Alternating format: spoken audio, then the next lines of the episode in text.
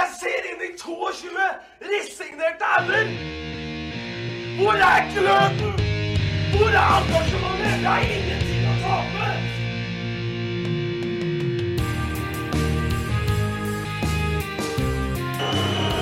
Ja, forlenges tid på Martin Ramsland. Skal du sette etter? Og så gjør han det! Martin Ramsland! Har du sett? Han kommer til å bli større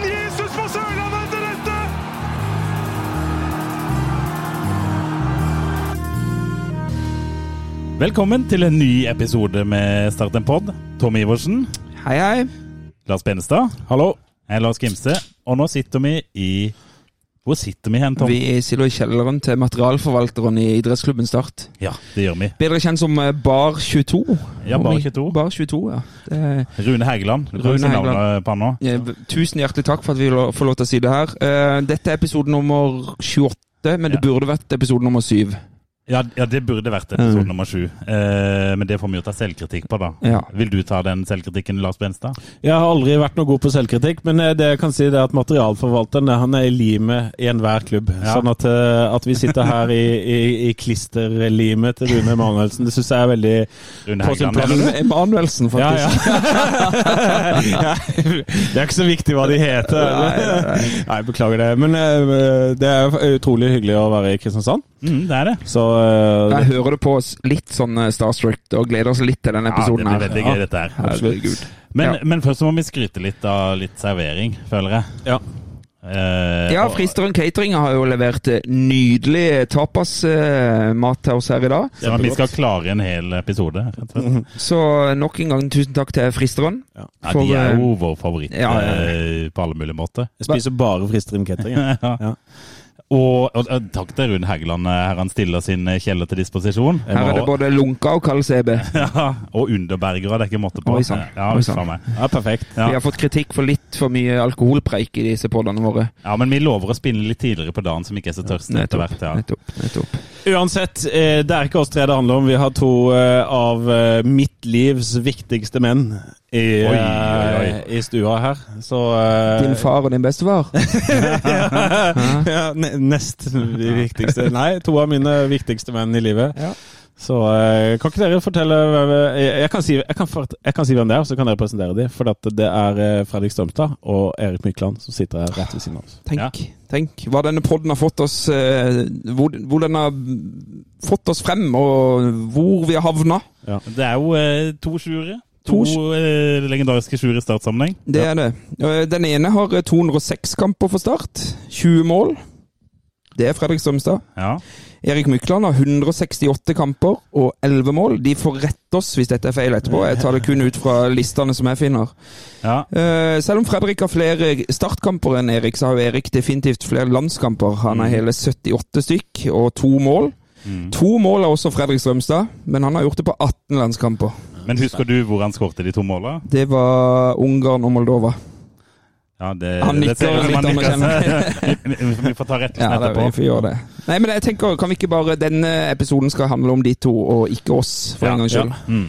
Så, det, så det betyr egentlig at eh, jeg nå kommer til å gi fra meg mikrofonen, og så gir jeg den til Fredrik Stomstad, og så Da sier vi takk til deg, Lars Benestad. Ja, Så. Skal vi kjøre en jingle først, Ja, vi kjører en jingle. Pølser selges nå til halv pris. Altså pølser til halv pris ute i kiosken. Og da begynner vi å eh, gjøre det sånn som vi har tenkt å gjøre det i dag, Tom. Mm. Eh, og Vi har- for så vidt. Ja, vi har Vi har en bolle. En, bolle. en skål. Med forskjellige eh, det spørsmål, dilemmas, Fra oss og fra fra lytterne. lyttere. Eh, så vi tenker at her kan vi utfordre eh, våre elskede syvere på, På alt det, vi har. på alt det vi har, og det dere, kjære lyttere, har eh, eh, stilt oss av spørsmål. Uh, Men vi har juksa litt. Grann. ok, fortell. Litt grann. Vi begynner med et spørsmål fra oss, og så kan vi trekke resten. Mm.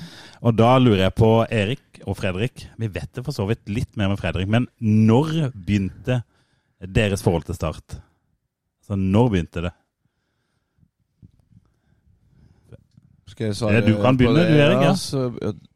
Eh, kanskje forbanne litt i kjerka, men Risør fotballklubb, som jeg vokste opp i, vi reiste til eh, cupfinalene eh, to år på rad, og det var Lillestrøm Brann. Eh, Tom Lund var banens beste, så jeg holdt med Lillestrøm en periode. Uff da.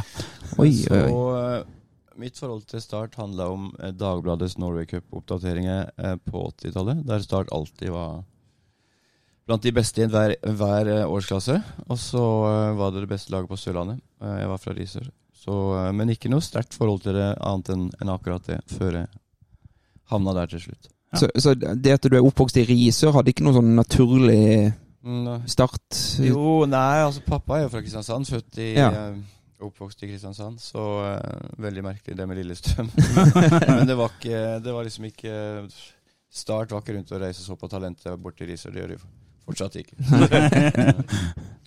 Og, og der, Fredrik, det Ja, Øh, noe vanskelig, men, men øh, ble vel tatt med i øh, starthallen når jeg var rundt fire-fem år gammel, tror jeg. Og da begynte det vel, men om det var fotballen eller om det var Start som gjorde at eh, Altså, det som fascinerte meg, var jo ballen. Eh, så jeg husker vel ikke helt liksom akkurat når Start kom inn, men noe av det første på en måte møtet med A-laget og Start var jo Dimitri Muraro. Ja. uh, Å, klassemann. så, så, Stor helt, det. Ja, det var vel egentlig bare mest at han snakka til meg, som var, som var stort. Jeg hadde på meg van Basten-drakt, og så spurte han om jeg kunne løpe og hente ballen, som Ja. hadde gått over gjerdet. Så For Var det sånn at du var liksom ballhenter på trening? eh, Var, eh, er ikke det en sånn, det er en sånn historie som jeg har hørt, at du, du sto på trening og henta ball? Ja, det ja, Ja. det, det var vel, Du det var vel begynnelsen, egentlig. Ja, ja. Så ja, så fikk han vel eh, fascinasjon fra å være nærme stjernene, eh, og at han eh, etter hvert gjorde noe, noe nyttig og gøy. Så eh, ja, det var, det var stort å være så tett på de da. Så, men det begynte med Muraro som spurte om jeg kunne hente en ball på Disse. Der det begynte, ja. Men eh, du husker han fra Ja, for, ja, er du gæren. Altså Men fortalte du meg en gang at, at det var en til som prøvde å, å komme inn på banen og så være med deg på de treningene? Var dere to en periode? Ja, vi var to. Uh, Kim Strømme. Uh, Men det ville du ikke ha noe av? Nei? Jo, han, vi, vi var jo i tospann uh, ganske lenge. Ja. Eh, I noen år. Så Fulgte vel nesten hver starttrening som vi kunne, da. Uh, men så uh, var det sånn at Kim var veldig fascinert av A-Team. Eh, så han Den ene uka så droppa han da uh, starttreningene. For da ville han se A-Team, og det begynte ca. samtidig som starttreningene gikk.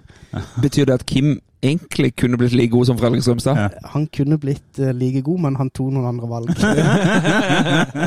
Men det som er litt interessant, at Fredrik Alle husker jo Fredrik, men han løp jo ikke bare rundt og henta baller som en sånn heia start, store stjerne, men det var jo ballen som fascinerte det, og så var det i nærheten et miljø som du At han var jo veldig tidlig god. Ja. vi så når han løp med ballen, så var jo det Vi syntes det var helt herlig, og så var det jo ikke veldig frempå heller. Det var sånn der rar måte å være der på. Det var veldig frempå på en måte, for ikke så mange som tør å løpe rundt etter baller til startspillerne, men det måtte de gjøre, for ballen var der. da. Jeg husker jo Fredrik fra når jeg var på fotballskolen til start. Da var det en fyr som var litt bedre enn alle andre, og som var på min høyde. Og jeg var ikke så høy sjøl. Så det var litt greit at det var noen, eh, noen som var gode, som eh, var litt eh, lavere, for å si det sånn. Og jeg har hatt gleden av å gå i første året på grunnskolen, i samme klasse som Fredrik. Eh, og hvis jeg kan huske, så kan jeg huske et relativt lite kjapt eh, talent allerede da. Eh, liten av vekst var du vel òg da, sånn sammenligna med oss andre. Men herregud, du kunne behandle ball, Fredrik. Så, så med det til grunn, og oppvokst vel eh, 20 meter fra, fra stadion og det hele tatt, alt lå jo til rette. Så jeg vet ikke hvor mye vi skal takke Dimitri Moraru, men, eh, men det, lå veldig til rette, føler i hvert fall jeg. Nei, ja. Det er kult. Det virker som dere har i hvert fall eh, Selv om eh, det var et eh, eh, brist i mitt hjerte at Myggen egentlig er Lillestrøm-supporter, så er det Man eh, må huske at det er forskjell på presens og preteritum. Det burde du vite, Jeg Venstad. burde- vite det, faktisk. Nei, men uh, veldig bra. Jeg tenkte bare jeg skulle eh, beskrive litt av resten av episoden, i og med at uh, uh, dere som er våre aller mest eh, troende lyttere, de eh, kjenner, eh, kjenner til eh, karrieren til både Fredrik og Erik såpass godt at vanligvis har vi gått kronologisk gjennom hele karrieren, og denne gangen så gjør vi ikke det. Som Tom sa i stad, så, så kjører vi litt sånn ja, Vi har laga noen spørsmål i en bolle, så her, her kan jeg høre lyden av bolle. Så Det er sånn Dette er radiofaglig sterkt, venstre. Ja, sant. Så oppi der så er det lapper som dere har skrevet, og så skal jeg prøve å huske å kreditere hvem det er sitt spørsmål, hvis det er lytterne sine. Så da tenker jeg at vi kan bare begynne med første, første spørsmål. Um, Der, ja. Var det litt eh, CB lunka rett i nebbet. Eh, så da er det bare å trekke et spørsmål, så leser du den eh, opp der, Fredrik, og så står det Ja, der står det 'beste landskamp'. Ja, Oi, fett. den Så da kan du begynne, Fredrik. Hva er din beste landskamp? Du, beste landskamp eh, Jeg lurer faktisk på om eh, det var borte mot Tsjekkia ja. i eh, VM eller EM-kvalik, tror jeg. Ja. Eh, Er det sammen Doffen, det? Ja, da Ja. spilte vi jo begge sentralt på midten. Ja. Uh, og da spilte vi jo mot altså, eh, Nedved, som var kåra til Europas beste. Ja. Eh, året før eller noe, tror jeg. Så det var, det var bra motstand. Eh, men da Det tror jeg nok er den beste kampen, selv om resultatet ikke, ikke ble så bra. Men Hva var det som gjør at du ser på det som den beste kampen? Hva, hvis du tenker tilbake til den, hva, hva slags følelser var det som gjør at det var den beste kampen for deg? da? Du, nei, altså, en, jeg husker jo ikke som alle kamper eller detaljer og, og, og sånn, men, men jeg kan jo huske på en måte følelsen en satt med etter kampen, der en følte en hadde gjort mye bra offensivt og defensivt. da. Ja. Um, og det var ikke noe sånn spesielt som gjorde at det var akkurat den kampen. Jeg skåret ikke noe mål eller assist eller noe sånt, men, men, uh, men jeg, jeg, ja. I forhold, og så, så er det jo litt sånn i forhold til motstander også, da, som på en Ja. måte var en, en, ja, en bra motstander. Så Kan du huske børskarakteren din i VG? har ingen anelse. Sikkert sju. Men det er jo sånn eh, Var det ikke litt Når du møter Nedved og den gjengen der, og så går du på banen, og så har du sett i avisa Er det ikke det som er også litt av opplevelsen, da? Jo, og så er det jo litt sånn at når du, når du møter han som på en måte spiller i Juventus, og så føler du det at du Du er ikke sånn Det er en dødsgod spiller, men du er ikke så ekstremt langt unna. Mm. Eh, og, og, og så lykkes du med, med ting som Som uh, En ekstremt god følelse. Ja, som, som, ikke, som ikke du på en måte kanskje trodde at den hadde inni. Um, så, så da er det, det er vel liksom ja, de tingene der når du går ned og takler en, ikke sant, og ja, og så triller du ball videre, og så, så er du liksom Du f føler at du mestrer det nivået, da. Ja. Uh, så det er vel kanskje den kampen der vi har hatt god motstand, det sto mye på spill, og der jeg følte at uh, en kanskje ja, gjorde en, en god figur, da. Det er da Erik. Danmark 1992. Danmark 1992? Og, Og så Slovenia hjemme, og så Færøyene, Skottland, og så Nei, jeg bare tuller. Det ehm, 17 kamper, da. Danmark 1992, da spilte vi eh, en sånn dobbeltkamp eh, mot Sverige og Danmark. Jeg skulle til VM i eh, 1903, var det kanskje. Men da spilte Laudrup-brødrene, og de hadde ja, det beste laget på banen. Og så eh, Det var en sånn kamp som, som Fredrik prater om, da. Det, det er litt vanskelig å forklare. Men hvis man går hjem og har gjort en god jobb fra en eller annen Uansett hvor man jobber hen, fått Fått Hva skal jeg si for noe? Du slapper av på en måte, selv om man er jævla konsentrert, så slapper man helt av når ballen kommer, så er det på en måte vennen din, da. Og ja, du sitter og smiler i garderoben. Og den varer ikke så lenge, så vi tar vare på de få øyeblikkene som, som er for at man blir alltid selvkritisk. Men da Den kampen Jeg husker ikke den så godt sånn i detalj, jeg vet Nei. at det gjorde Men det er bare Jeg sier Danmark 1992, og det er heller ingen som kan gå inn og sjekke det på YouTube, for det fantes jo ikke den gangen. Men så var det Slovenia hjemme. Mot, Var det, da vant 5-0 eller noe sånt? ja, 4-0. da. Ja, 4-0 da. Måtte vi gå til EM, så det var en viktig kamp, da. Det var, ja, den husker jeg. Ja. Pasning til Leo. Det stemmer. Ja, stemmer. Den uh... Men er det litt sånn som noen snakker om, at man får litt sånn tunnelsyn i de der kampene der man er skikkelig god? Det er litt sånn som at ballen Altså, du, du er plassert riktig uten å tenke i forhold til hvor ballen detter ned. Mm. Og nå det et nytt uttrykk som heter nulltilstand. Det betyr at ballen på en måte ikke er hos noen av laga eller noen av spillerne, men, men da detter den ofte ned i beina dine i, i de situasjonene. Og så ja, Du gjør ting uh, ut ifra situasjonen, hvordan situasjonen er, så, så løser du den der og da. Og alt er jo ikke perfekt, men, men det er noen kamper som selvfølgelig du husker. Så jeg sier Danmark 1992. Det var 1993, for å være helt riktig. 92, tror jeg det var. Nei, det var 1993, så tror jeg det ble 2-1. Ja. Det kan eh, Det ser sånn ut. Ja, jeg mener å huske vagt, det var ikke mer enn ti, men jeg husker vagt noe sånn Norge-Danmark-oppgjør der. Eh, Kan nå, godt vil, være. nå vil Benstad ha ny lapp, tror jeg. Ja, altså, nå syns jeg de har svart godt på spørsmålet. Meget godt. Jeg syns Jeg- dere en eh, Jeg synes dere klarte å følge opplegget med at dere snakka med hverandre. Jeg synes, dere er veldig gode, eh, det må jeg bare si. Men Så jeg hadde, jo, jeg, hadde, jeg hadde jo gjetta at han ville sagt Brasil på Ullevål. Ja, Mm. Det hadde du gjetta. Men, men da kan du Da kan en kan jeg ny avkre- lapp. avkrefte det med en gang. ta en ny lapp, Erik. Ja, vi ser.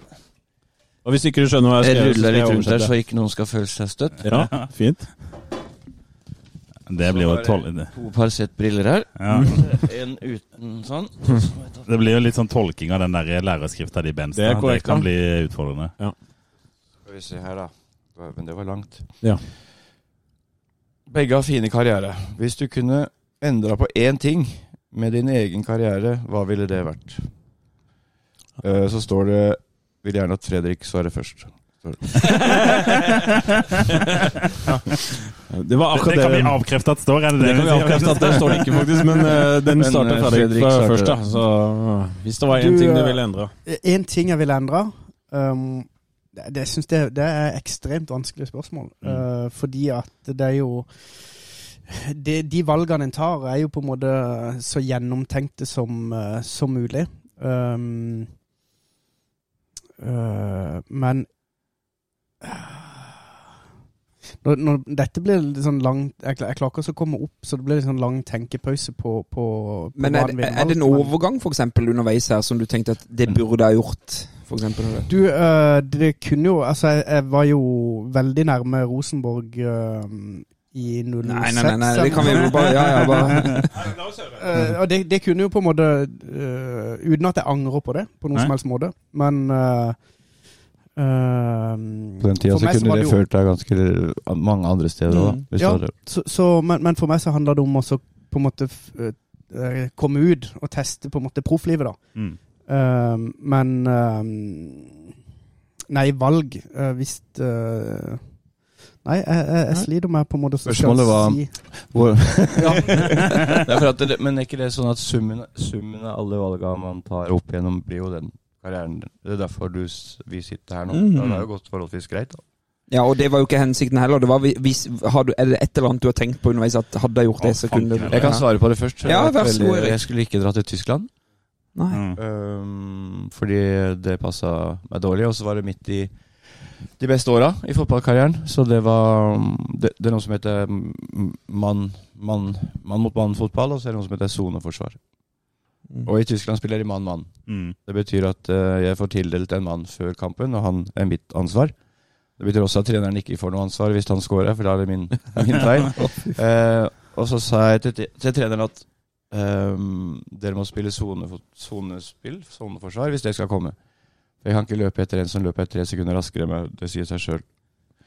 Og da, akkurat da var, gikk det bra i, i et EM-sluttspill, og da skrev jeg under før det EM-sluttspillet. Så da var jeg der i 18 måneder, og så bytta jeg klubb. Men, men det er ikke sånn at jeg er bitter på det. Men det det jeg skulle gjerne gjort det valget. Men det er det som står igjen i løpet ja, av hvis, karrieren skal, hvis spørsmålet kommer hva Mm. ville du gjort annerledes, så var det det jeg ville gjort Ja, annerledes. nettopp. Så jeg, du har jo ikke, ja. ja. jeg, har jo ikke akkurat den, den biten der, men, Mm. men det er gjerne sånn i etterkant da skulle på en måte uh, Som jeg skulle hatt med av ballast før jeg reiste ut, da. Det var å på en måte være enda mer egoistisk og tenke mye mer på meg sjøl enn å på en måte gi etter for uh, For andre ting, da.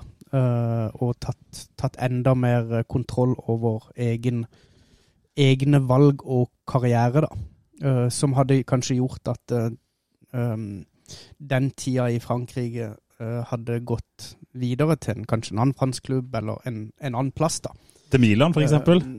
Ja Det hadde jo ikke vært å forakte. Men, om Men en hadde kommet der, men, men at, at det, det var noen på en måte Ja. Det å stå mer opp for seg sjøl. Vi hadde en fysisk trener i, i Frankrike som kjørte oss beinhardt, som gjorde at han til slutt ble skada. hvis det hadde vært tenkt mer på meg sjøl, så hadde eh, kanskje ikke det skjedd. Og det, Og da vet en jo ikke på en måte hvor en ender, men overhodet ikke bitter eller sånn. Men Nei, nei. en lærdom som du på en måte tar med deg.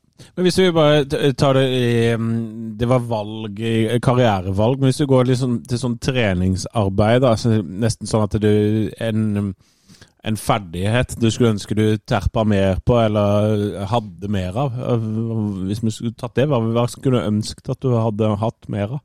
Øh, nei, det en skulle hatt mer av, var jo kanskje litt mer av den um, Altså hurtighet, selvfølgelig. Skulle en jo gjerne hatt, og så trent tidligere. Men, men uh, i forhold til ja, altså den ferdigheten som på en måte kreves der ute, for det er jo det er ekstremt et ekstremt tøft miljø, da. Mm. Uh, og når du kommer ifra Kristiansand og fra Sørlandet, der egentlig alt er bare kos og gøy og hyggelig, uh, så møter, jo, uh, møter du verden litt på en annen måte eh, der ute, hvor det egentlig er mer en, en jobb, og du er ansatt, og alt handler på en måte om prestasjon og penger og den biten der. Det var jeg nok ikke sånn helt forberedt på. Eh, og det likte jeg ikke heller, egentlig. Nei. Jeg likte liksom ikke å spille for penger eller for liksom karrieren. Jeg spilte jo fotball for jeg syntes det var gøy. eh, Mm. Og litt sånn etter hvert så syns jeg det ble vanskelig, liksom. Mm. Altså, eller ja, rart, da. Mm. Har du noen uh, har Jeg du bare noen- tenker på om, om det, For det handla mer om også, også vit, vise at man var god nok til å spille i utlandet enn en summen som kom inn på kontoen, ikke sant? Ja. Og sånn er det, det Ja. Og det er jo litt sånn Det, det er jo på en måte uh, sånn For min del så er det um, Så er det på en måte Jeg, jeg syns det livet da ikke ga meg nok. Det å så egentlig kun skal spille fotball 24-7, og uh, det er alt livet dreier seg om. Uh, og da kan du egentlig tjene så mye penger du vil, eller så mye oppmerksomhet som du vil, men for meg så på en måte gir det ikke mening det også Uh, at det er kun det som er uh, det du skal gjøre, da. Så det ga meg litt sånn lite Det var veldig gøy å oppleve, fantastisk å ha opplevd øh, å spille på fulle tribuner og stor stemning og sånn, men, men det er ganske kjedelig, det profflivet i utlandet. Kan du kjenne deg igjen i det han sier, Erik? Erik Ja. gjør jo ikke det, for han gjorde jo akkurat som han ville. Og og gikk på eh, puben og, og koste seg og levde livet. Hva sa du der? Nei, altså, altså evig eis og, og sånn, men jeg tror nok at jeg har alltid tatt fotball jævlig alvorlig. Veldig alvorlig. Så det har liksom vært Ikke det at det har vært det eneste som står i huet på meg, men jeg, els, jeg elska å komme til Panathinaikos, f.eks. Der alle var så lidenskapelig opptatt av at du så bare sort i øynene når de var på trening og på kamp. Og så tror jeg kanskje jeg tipper bare da, Fredrik, at du, den rollen du har i start, ikke sant? Du var den sosiale omdreiningspunktet. Eh, folk tok deg med på alt, hørte på det, og, og så kommer du til utlandet, så er det på en måte Det er ingen som er klovn her, det er ingen som er sosialministre, det, det er svært lite av det. Så jeg var ikke så opptatt av det, egentlig. Jeg, jeg kom inn i Jeg tror ikke jeg var inne i i sosialrommet i Panathinaikos før det har gått to år. Altså det, for meg så gikk jeg på trening, og så spilte jeg, og så, og så, og så dro jeg hjem. Og det har alltid vært eh, veldig lite opptatt av å gå i bursdagsselskaper og sånn da jeg var liten. Og alltid vært litt opptatt av det. Jeg er ganske introvert. Det å gå en time før når, en time før de andre når middagen er ferdigspist, det er liksom ikke så populært, men det gjorde jeg. Og, og det, det, hjelper, det hjelper jo når man kommer ut, da. Mm. Det betyr ikke at man var fanatisk opptatt av det, men at, det var liksom, at vi er litt forskjellige typer i forhold til det sosiale. Mm. Kanskje. Ja, nei, absolutt. Jeg, jeg trenger jo på en måte sosial kontakt, og det å kan kommunisere med folk og, og liksom Ja, det, det, det gir jo energi, da, Mm. for meg. Um, uh, og, i, og i begynnelsen så er det jo på en måte selvfølgelig naturlig nok vanskelig, men, men uh, for dette du kan ikke språket. Uh, men, men etter hvert, på en måte, når du Når du liksom opplever at det er, det er ikke noe sånn det er ikke noe kameratskap, det er ikke noe fellesfølelse som på en måte som, som driver deg driver deg litt videre, da. Eh, så, så ja, så så blir det på en måte litt eh, kjedelig. uh, en, en kjedelig hverdag, da. Hva, hva gjorde du for Lærte du språk og sånn? Var det viktig for deg når du kom ned til Frankrike? Ja, det, det var jo rett på, egentlig på skolebenken. Svar gjerne på fransk nå, da. Ja, Skal vi bare kjøre det på fransk? Det er det jo ingen som skjønner noe, men eh, Lars skjønner to ord.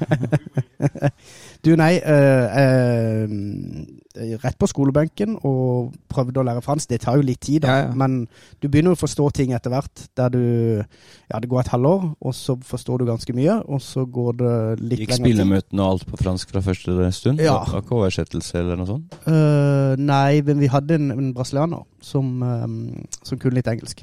Ja. Ja. eh, Som var flink. Så han uh, oversatte og, og ja, gjorde på en måte hjalp, hjalp oss på den veien. Men, men Jeg kan jo eh, si det på direkten at nå sitter jo da verten og leser på telefonen og smiler borte. Vi, Ja, vi forstyrrer ja, våre, i våre seriøse, forholdsvis seriøse svar. England er på, på Snapchat, så Er det det er borte. Ja, ja, ja. Ja, Snapchat.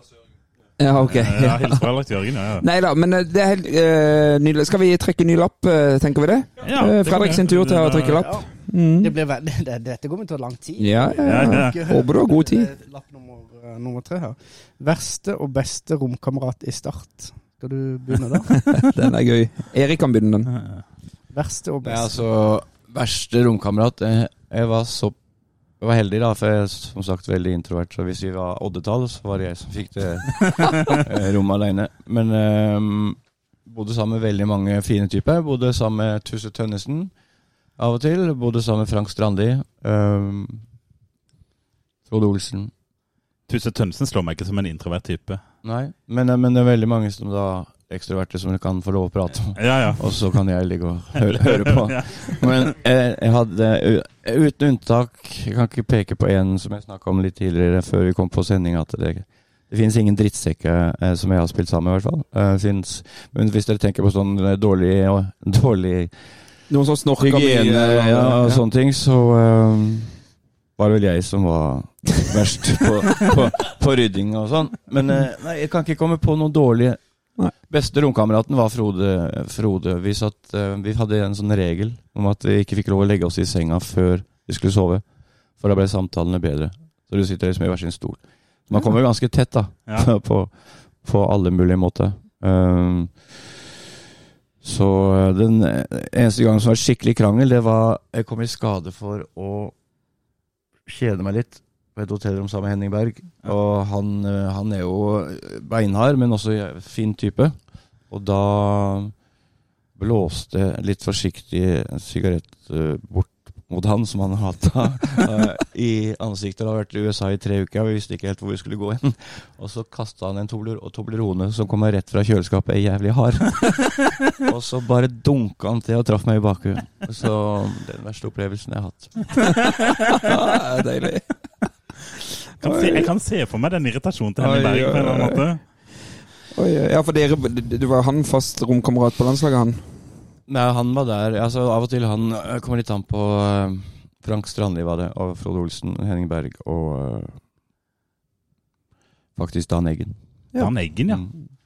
Men Henning Berg slår meg jo ikke som en sånn ekstremt sprudlende type. Eller pratsom type. Nei, men han er Det er um, Han har mange lag. Det er litt sånn, Når du ser ham på TV, så blir han litt sånn som Som jeg kan bli noen ganger, sikkert. Litt sånn, øh, litt sånn øh, stram i leppene og kanskje ikke helt tilpass, men han er fantastisk type. På alle mulige måter. Han har jo også kapteinens rolle i forskjellige lag. Han har spilt i United og Blackburn og er utadvendt. Så um, den historien der er ganske bra. Jeg har hørt den om Tore Pedersen og Henning Berg eh, når Henning Berg eh, ble kjøpt av Blackburn. Nei, det tror jeg ikke. jeg har hørt den, men jeg tar det til lytterne. Ja, Mhm. ja. Det var Blackburn. Skulle se på Tore Pedersen eh, borte mot England på Wembley. Og så kom han opp i en hodeduell i første omgang, og så løp eh, Trygve Kase ut på, på plenen og spør eh, hva er stillinga. Og så sa han 0-0, som jo var riktig, og trodde legen at det var 1-0. og så bytta han med Henning Berg, og så ble han kjøpt av Blackburn og ble Det, det Ja, det. seriemester for Blackburn og seriemester for Manchester United. Tore havna i Japan. Har, vet du om Henning Berg har takka han eh, fysioen i ettertid for det? Nei, men det skal sies at Tore fikk en veldig bra karriere, han òg. Men, Ja, ja. men, men den, eh, den er fin.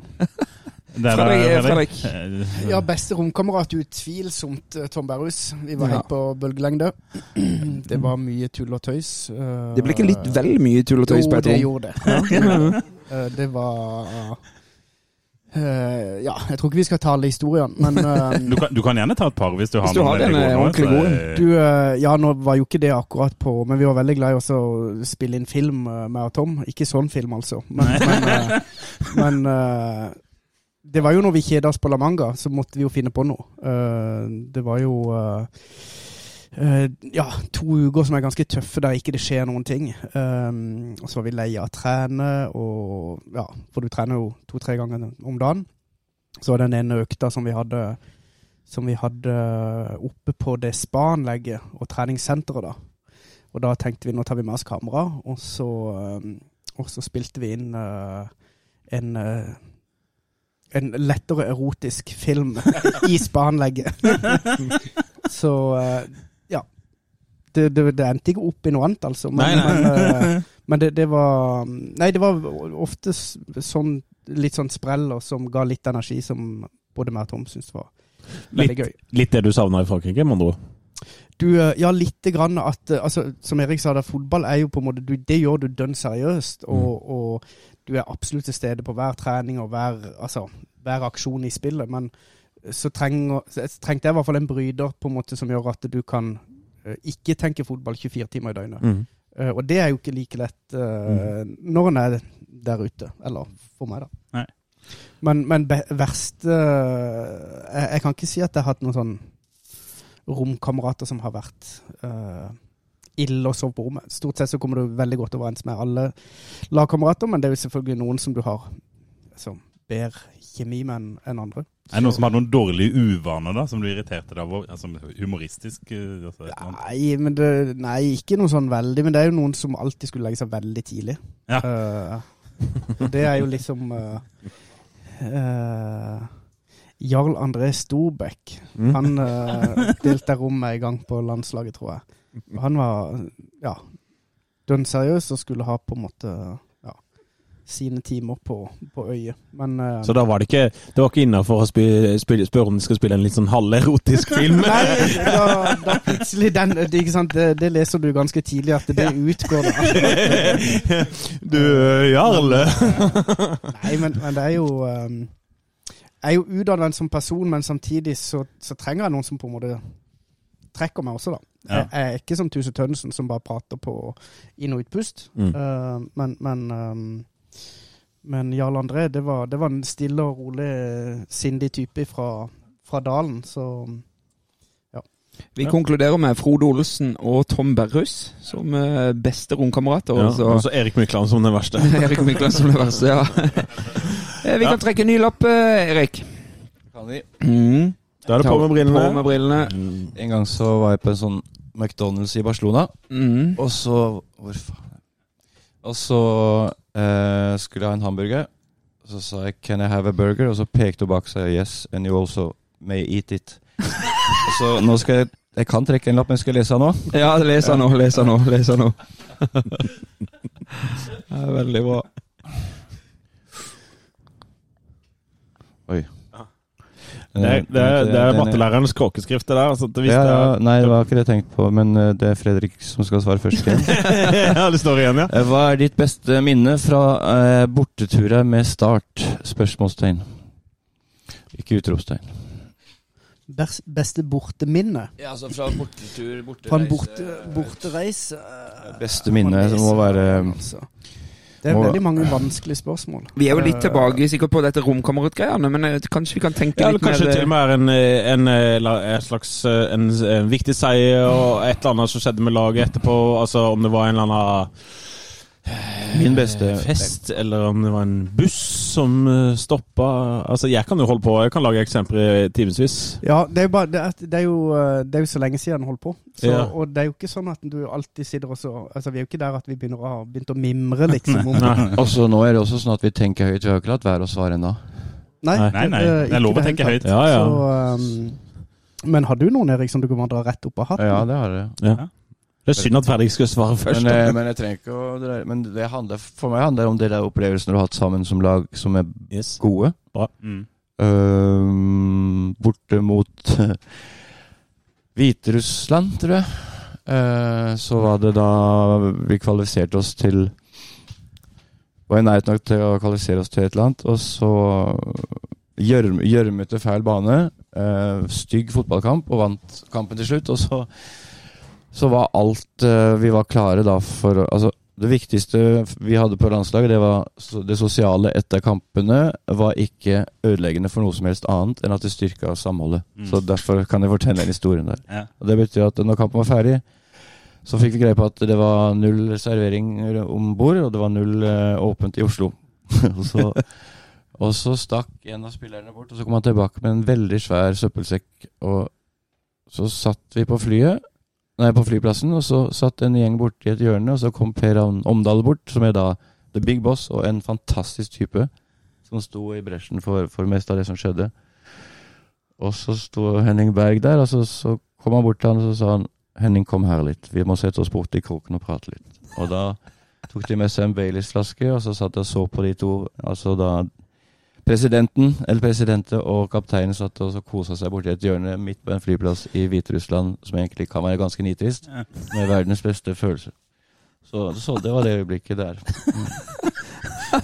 Men eh, det, dette var jo et, eh, et landslagsborte, men det er ikke noe sånn utprega startborteminne? Jo, det er mange, jo, det kan nå Fredrik tenkt litt, har du ikke det? Du har tenkt litt, men jeg har jo enda ikke kommet i, til bunns i, i det beste, beste minnet. For det, det er jo, det, en må jo rangere litt, da. Ikke sant, på Men du kan jo bare ta, ta, du kan gjøre det enklere å si et godt minne, morsomt, et eller annet. Altså eh, for å ta med Ja, men altså, vi, det, jeg kan, altså Nå var det jo ikke sånn veldig fotballrelatert, Nei, nei. men, men eh, vi hadde jo um, vi har, hatt, vi har hatt noen Altså, det å reise på tur med en, en, en kameratgjeng, er jo, er jo fantastisk. Og, og eh, et gøy minne ifra fra turen til, til Alta. Det begynte jo med at Aron Khalili lurte om vi, når vi kom til Gardermoen, om vi skulle da ta buss videre. Han visste jo ikke hvor Alta lå. Så uh, vi satte oss på fly da videre til Bodø, og så eh, hadde vi med bingokule. Nei, bingohjul. ja. Så uh, fra, ifra Bodø til, til Alta så kjørte vi bingo. Eh, og da var det Olga på 89 som faktisk roa med seieren. Da var hele, hele flyet med på, på bingo. Det var en 50-lapp i, i posten. Så det var, det var Altså, ja. Det, det var et um, det var, Altså, da går flyturen litt kjappere. ja. Eh, 2000 og, eh, Hvem var, var det Jan Halvor, det, da? Uh, nei, jeg husker ikke hvem som var trener. Nei, du, dette jeg tipper jeg kan ha vært da Lars Martin Engedal skåret opp i Alta. Kan eh, 2003, Bård Wiggen kanskje, som var ja. Jeg, er veldig dårlig på årstall, men uh, vi, vi Nei, Aram Khalili var med, sa du. Da er vi jo i Arne Sandstø-tid, tenker jeg. det, det var Ja. vel kanskje noe sånn, ja. Mm, Ja, I den tida. Så Men uh, ja. Nei, men det, det var et gøy minne, Fredrik. Det er bingo på vei til Alta, og Khalili lurte på om vi skulle ta buss. Det er helt nydelig. Men nå må de faktisk det. Ja, nå må de kanskje det. Erik, har du kommet fram til noe start? Ja, jeg har mange sånn Men det er ikke noe sånn Ikke noe sånn superopplegg. Skal jeg ta mikrofonen litt høyere? Ja, Ja, sånn, da det er blir lytterne fornøyde. si. Altså, men nei, altså, jeg kan ikke um, det, var de, det var de gangene vi, vi vant sammen borte mot lag som var vanskelig å møte på bortebane. Borte mot Sogndal, der du så vidt eh, rekker å bremse på flyplassen for at du, før du fyker ut på en kant. Og borte mot Bodø-Glimt, som vi må overnatte Mm. og bli litt sammen. Uh, lengre sammen. Uh, Men kan, kan jeg bare spørre deg, altså, 90-tallet som startspiller Uh, Man har jo hørt om England og sånn på den tida der, med eh, kasser med pils i bussen på vei hjem. Ja. Var, var det noe sånn kultur i Nei. Norge da? nei. Det var ikke ja, kultur. Altså, det var ikke noe kultur, men det var, England var jo sinnssykt på den Mm. tida. Så det Men, men Nei, det det er ikke det. De, de minnene som sitter sterkest igjen, er rett og slett, det handler rett og slett om det, det sportslige. Å sitte i garderoben og så, og så bare ha landa uten at det, det er ikke skremmende høyt uh, lydnivå. Det er bare sånn matt, god følelse der at vi Mm. har gjort en eller annen ting sammen. ehm, som uh, fotball dreier seg om. Mm. Og det som regel skjer best på bortebane. da. Når du reiser deg på bortebane, det er feil garderobe, det er feil plass du sitter Mm. på, det er for langt gress, og det er for dårlig dialekt. Alt er gærent. Og så kommer vi derfra med tre poeng, og da blir det Deilig. i sum bra, da. Veldig deilig. Skal vi ta en liten uh, timeout, og så ta en jingle? Vi tar en timeout. Ja. Da kjører vi videre. Eh, Kanskje herrene som sitter i andre enden av sofaen vil trekke en ny lapp? Det er vel Fredrik sin tur, tror jeg. Ja, det, det er Fredrik sin tur. Jeg vet at han har sniktitta litt i pausen her nå, så han er forberedt. Ja, start 2005 og start 1991. Hvem vinner? Oi! Da kan dere jo krangle om eh, hvem som kommer på vinnerlaget. 1991-årgangen mot 2005 mot Å ja. 1991. Jeg tenkte på det før jeg dro. Eh, ikke hvem som kom til å vinne av de, men må ikke glemme 1978 og 1980. Ja. Men ingen av dere var med da. Eh, det jeg tror jeg det Fredrik skal svare på. Altså, Ja. Det er jo helt umulig å Det vite er resultatet. altså hvis uh, Nei, jeg tror jo uh, 05 hadde vunnet, rett og slett for at det var eh, Fotballen har utvikla seg i forhold til tempo, eh, men ferdighetsmessig eh, så hadde nok 91 vunnet. Sånn individuelt, Ja. tenker du. Ja, interessant. Jeg tror det kunne blitt interessant. Jeg tror det som eh, skiller de to lagene, er jo at 05-årgangen med Tar du bilde av meg nå, Fredrik? Nå er det Snapchat. Eh, Når jeg skal svare på hvorfor vi har sjanse mot dere? Hvorfor vinner 91, Nei, det, vi vinner for Vi har sjans fordi at uh, uh, Tom Nordli og den fotballen ligner litt på Rosenborg-stilen. Eh, altså, de har oppgåtte stier. Du spiller ballen der, løper ballen der. Så det er forutsigbart for de som spiller der. Og for den den årgangen jeg var en del av, var, spilte veldig på intu, intuisjon. Og var liksom ikke, ikke så avhengig av et system. Så når vi møtte Rosenborg eller andre lag som hadde det rigide systemet, så kunne det gå rett i dass. Men hvis vi på en måte fikk en åpning og en løsning og, og starta å dominere kampen, så, så var vi ganske dominerende. Når det gjelder det forskjellige tidsepoker og sånn, så er ikke det så interessant, for hvis man er født i 19... Ja. Så 71, hvis man tar tempomessig, så tenker jeg at det, de hadde, jeg var kikka på de, og det var, det var imponerende å se hvordan de bare fossa av gårde. Det var et mekt, mektig lag da, Mm. uh, å se på. Men det er gøy å liksom ta sånn Øyvind Klausen mot eh, Kristoffer Hestad. Uh, Tore Løvland mot Steinar Pedersen. Altså Det blir litt sånn nå, Ja. Uh, til hver sin tid. Eh, det er jo klart, Vi, vi i podden her er jo eh, vokst opp med Myggens i tid og 91 som våre første startminner. Og når Start ble gode igjen når vi var gamle nok til å drikke, det var når Fredrik Ja, eh, spilte. Jeg syns det er kjempevanskelig for vår del òg. Men, men det, jeg bare synes det var litt interessant det du sier, Erik, med at dere var, spilte veldig på sånn intuisjon. Det, kunne det slå litt begge veier? At dere kunne være jævlig gode, men så kunne dere slå litt andre veien nå? Ja, mer. Vi hadde jo et system som, eh, som er vanskelig å forklare, da, men det handler om ballovertagelse og skape to mot én-situasjoner over hele banen. Eh, men vi var frie til å Vi skulle f.eks. aldri sparke ballen utover sidelinja. Ja. Så om du hadde ballen på egen femmeter, så skulle du ikke klarere. Du skulle spille ballen til en gul en og sånn. Så det kunne selvfølgelig gå gærent. Uh, og det eh, Vi var nok mer sårbare Mm. i forhold til uh, å spille borte mot Mjøndalen på Nedre Eike enn en det laget var. Og, og, og de hadde en De hadde et Hva skal jeg si for noe? De hadde en sånn derre presence på banen da som vi kunne miste av og til. Mm. Mm. Jeg bare jeg tenkte å utvide spørsmålet bitte lite grann. Altså, eh, hvem av 2005 og 1991 hadde uh, vunnet mest over Start 2022? Jeg synes, eh, men kan jeg si noe sånn litt alvorlig? Ja. Det er helt umulig uh, uansett. Um, det her er- passer inn i et hjørne til høyre på Victoria pub. Men, for, for at det er vanskelig. Ikke langt unna dette, da. Nei, men hvis, sier, hvis, du sier, hvis du sier noe, så er det sånn på en måte det blir feil uansett. For det Ja, er mulig å svare på. Ja. Så, uh, men jeg har prøvd å spille en gang mot Vålerenga. Det var rett etter jeg hadde lagt opp med det gamle, gamle landslaget, og vi ble kjørt noe så inn i granskauen. Ja. Så det tempoet de kjører på treningen, blant annet, som jeg ser ganske ofte på eh, nå, det er way over our league. Ja. Ja. Men, men hva, hva Fredrik, jeg spurte deg, eh, for du husker også 91-tida til Erik. eh, eh, eh, Standinga Start hadde i 2005 i Norge.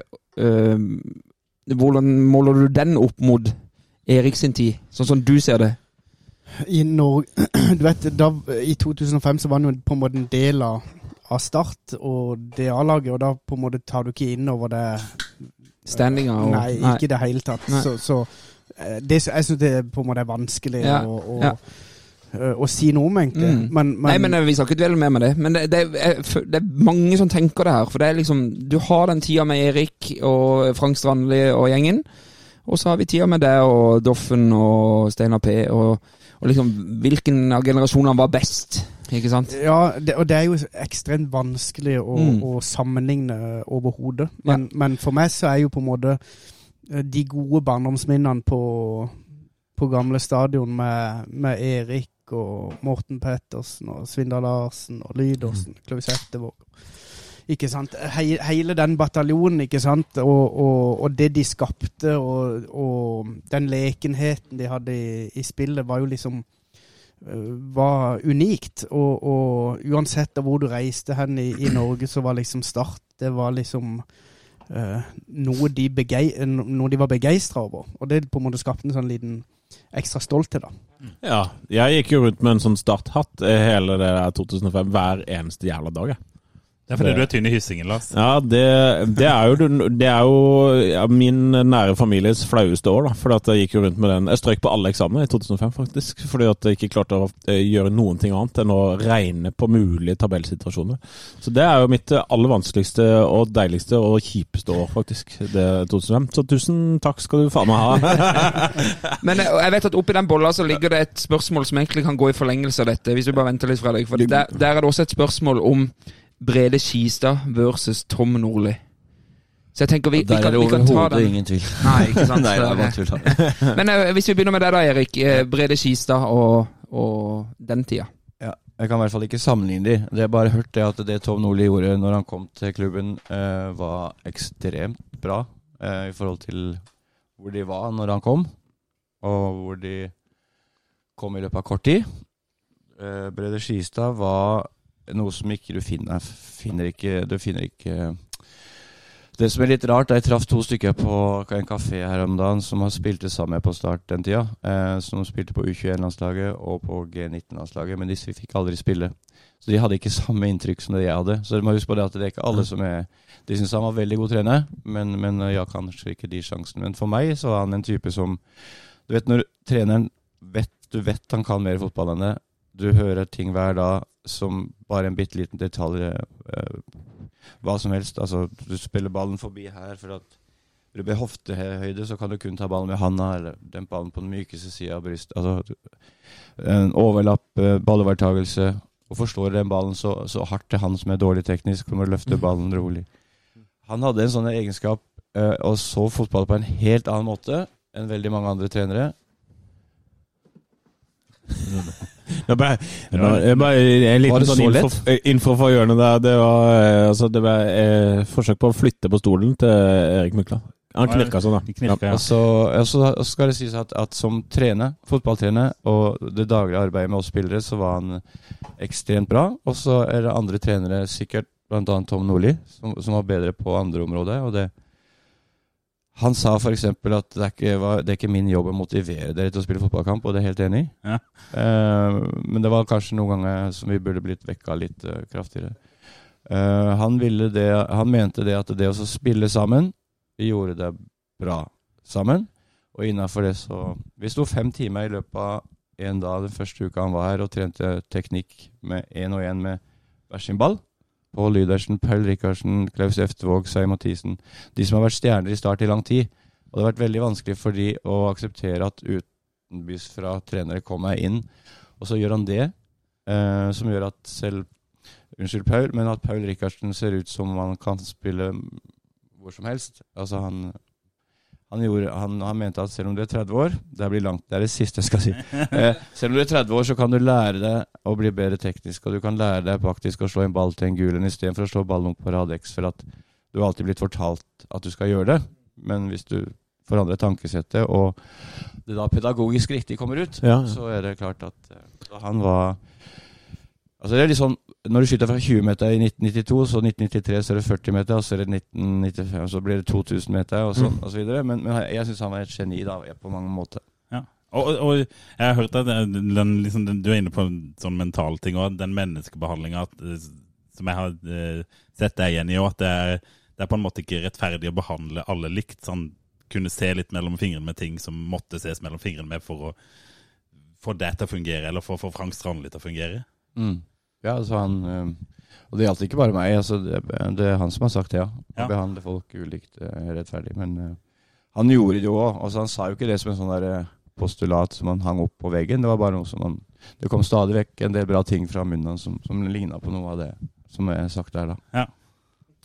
Tom Nordli, Fredrik Somstad. Ja. Hvor skal vi begynne hen, syns du? Nei, i uh... Du kan begynne med det.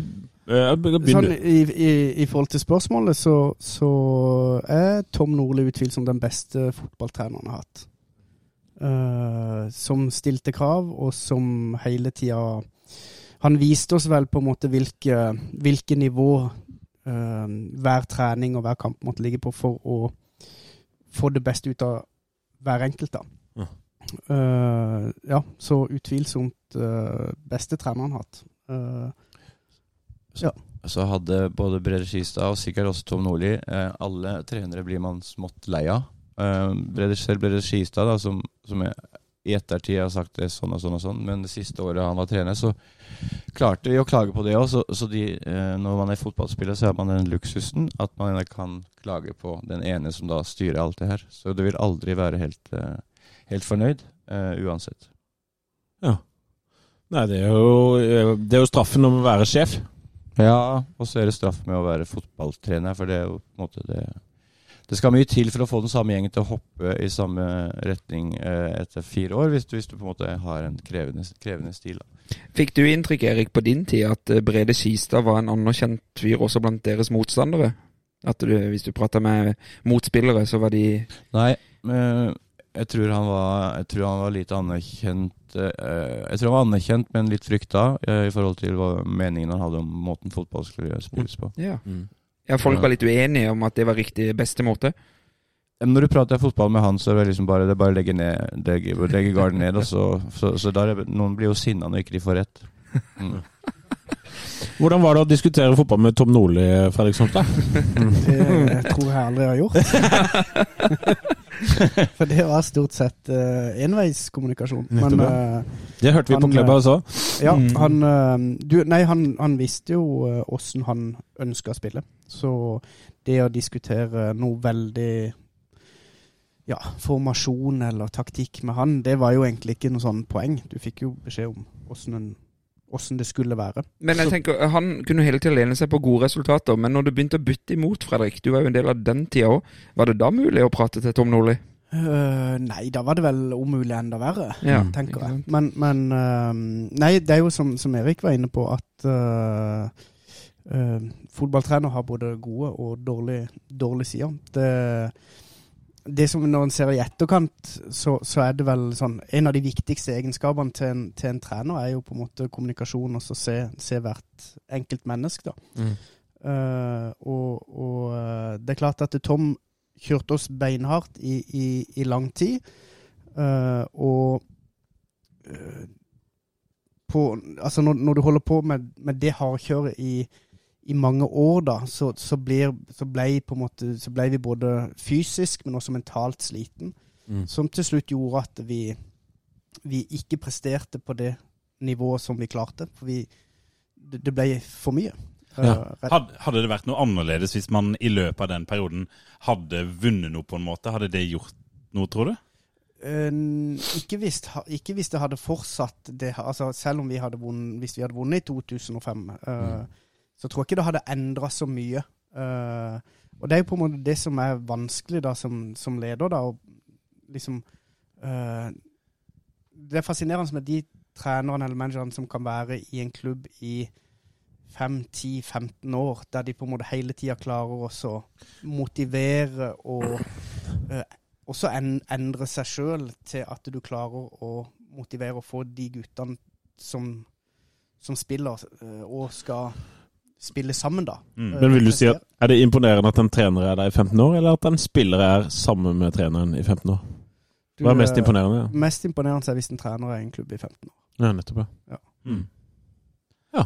Der men syns jeg vi fikk veldig mye bra. Da fikk vi vi, vi, vi snakker om at det, vi, ja, nei, Men uh, vi tar et nytt uh, spørsmål. Ja, og da er det vel uh, Ja, det, har, dere, har dere snakket, debattert om den problemstillinga der? Hvilken Den du stilte spørsmål om? Nei, altså, Nå sa jo Fredrik Han ga jo fasit. Han sa at det er mest imponerende at en trener er 15 år. Og så tenkte jeg inni mitt hode så tenkte jeg, er det ikke mer imponerende at en spiller har holdt ut? Men så tenkte jeg jeg skal jo ikke debattere mot Fredrik Strømstad, en av mine livets helter, liksom. Det skal jeg jo ikke. Jeg skal jo holde kjeft. Altså, bukke nikke, Det er ikke fasiten som sitter her, men uh, Logre.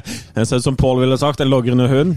Så at Han, eh, han lurte på om vi har blitt en logrende hund, Ja, ja, ja. men det kan vi Men da skal vi videre til neste spørsmål. Og det, ja, bra, Fredrik. og det er faktisk eh, Sør Arena og Kristiansand stadion. Eller Ja, da er ikke du lærer? Er du som har skrevet 'og' istedenfor Eller? Mattelærer så er ikke så farlig hvordan det skrives. Nei.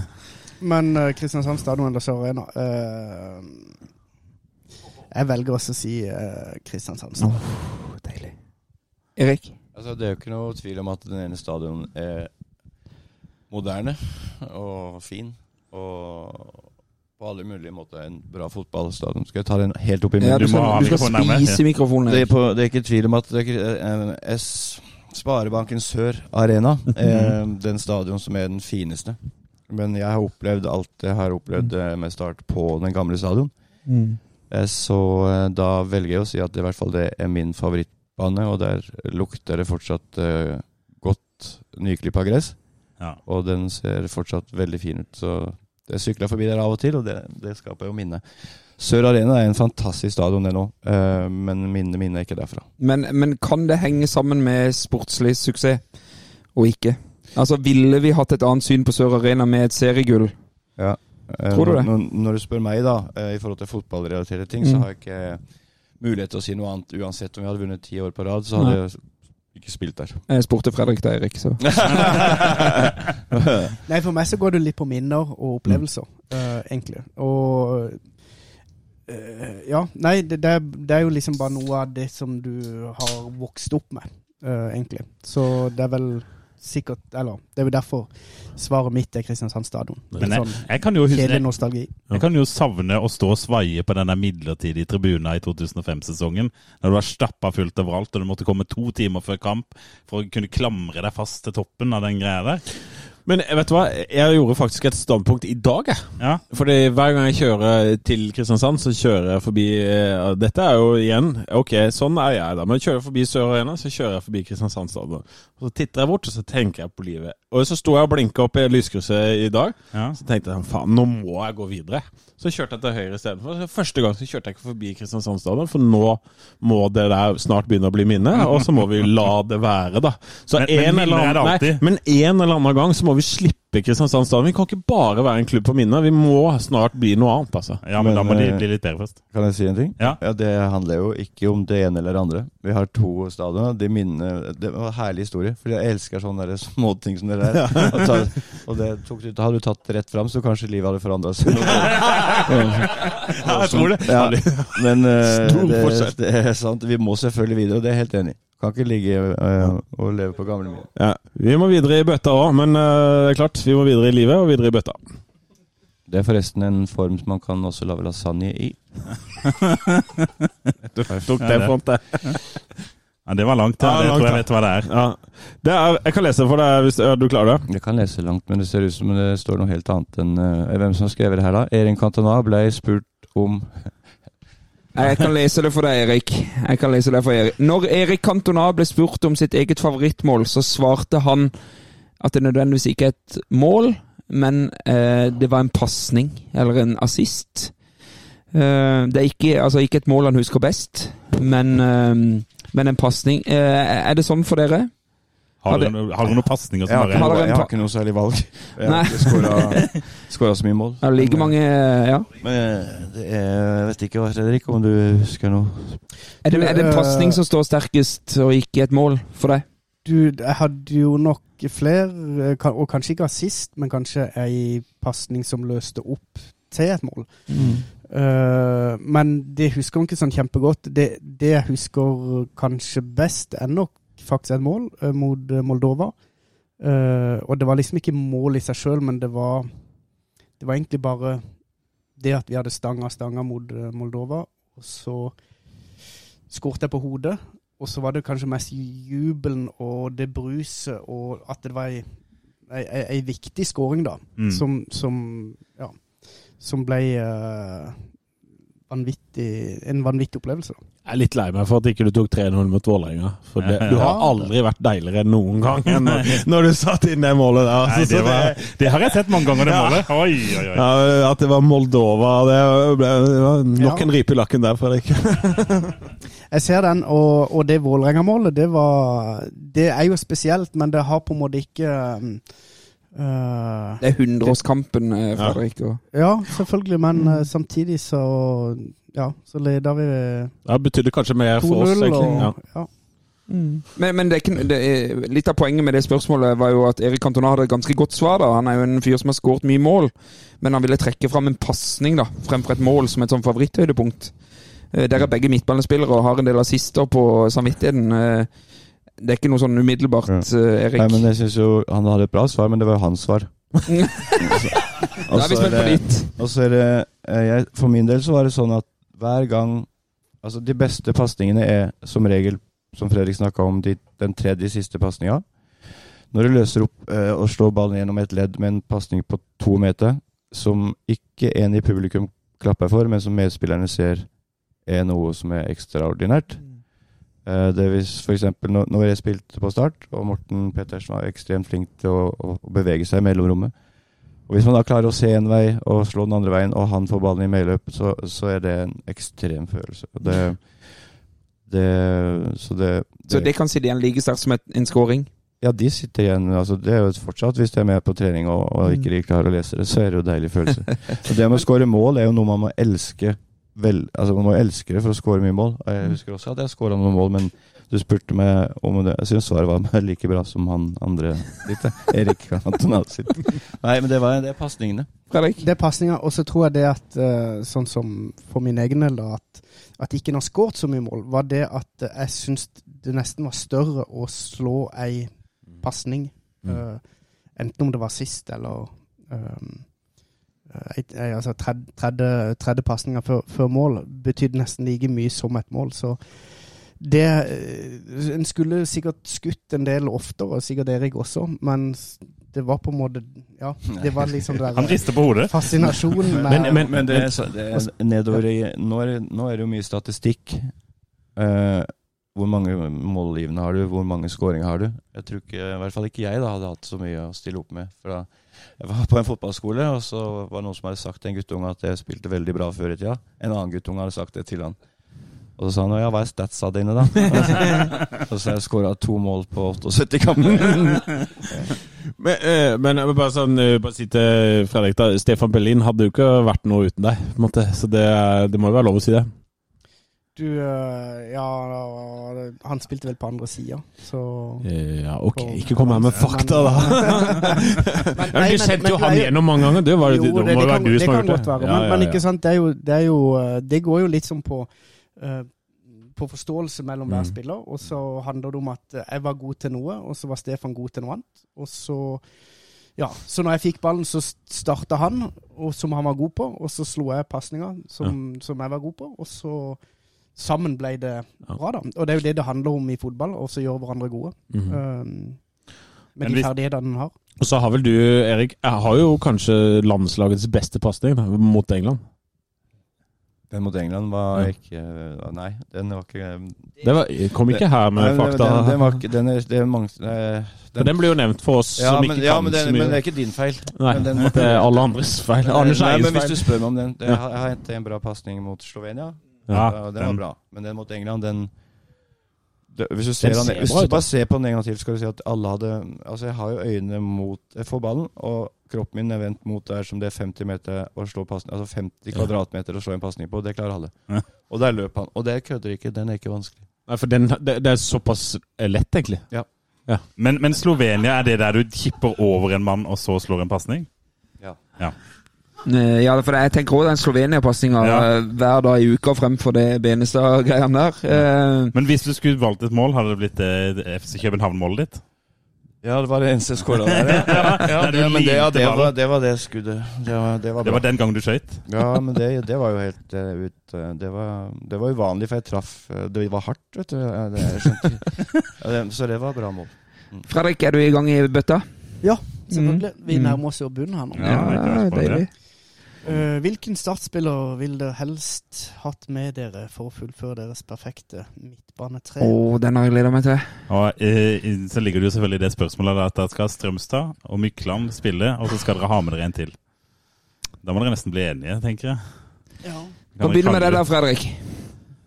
Du eh, Må kunne ta en fra hver epoke, må ikke det? Jo, jo, det går an. Jo. Men dere skal jo helst bli enige, da. Nei da, de kan ta Skal en dere ha Even Klausen Altså- eller Doffen, liksom? Et- Kan jeg bare komme med et innspill før vi begynner? Ja. Uh, man bør helst ha en som er, eh, er trygg og dyp, eh, hvis vi skal spille med tre, som ligger bak der, og så står pasninga og bryter og sånn. Så bør du ha et litt mer arbeidsjern, og så bør du ha en, en kreativ kraft eh, ved siden av der igjen.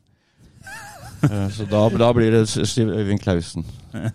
Det ble det. Det ble, Det ble Øyvind Klausen. Jeg Nei, jeg, jeg, ville tatt Jeg kan svare med en gang. Jeg ville tatt med Morten Pettersen. Ja. Mm. Liker at eh, Ja.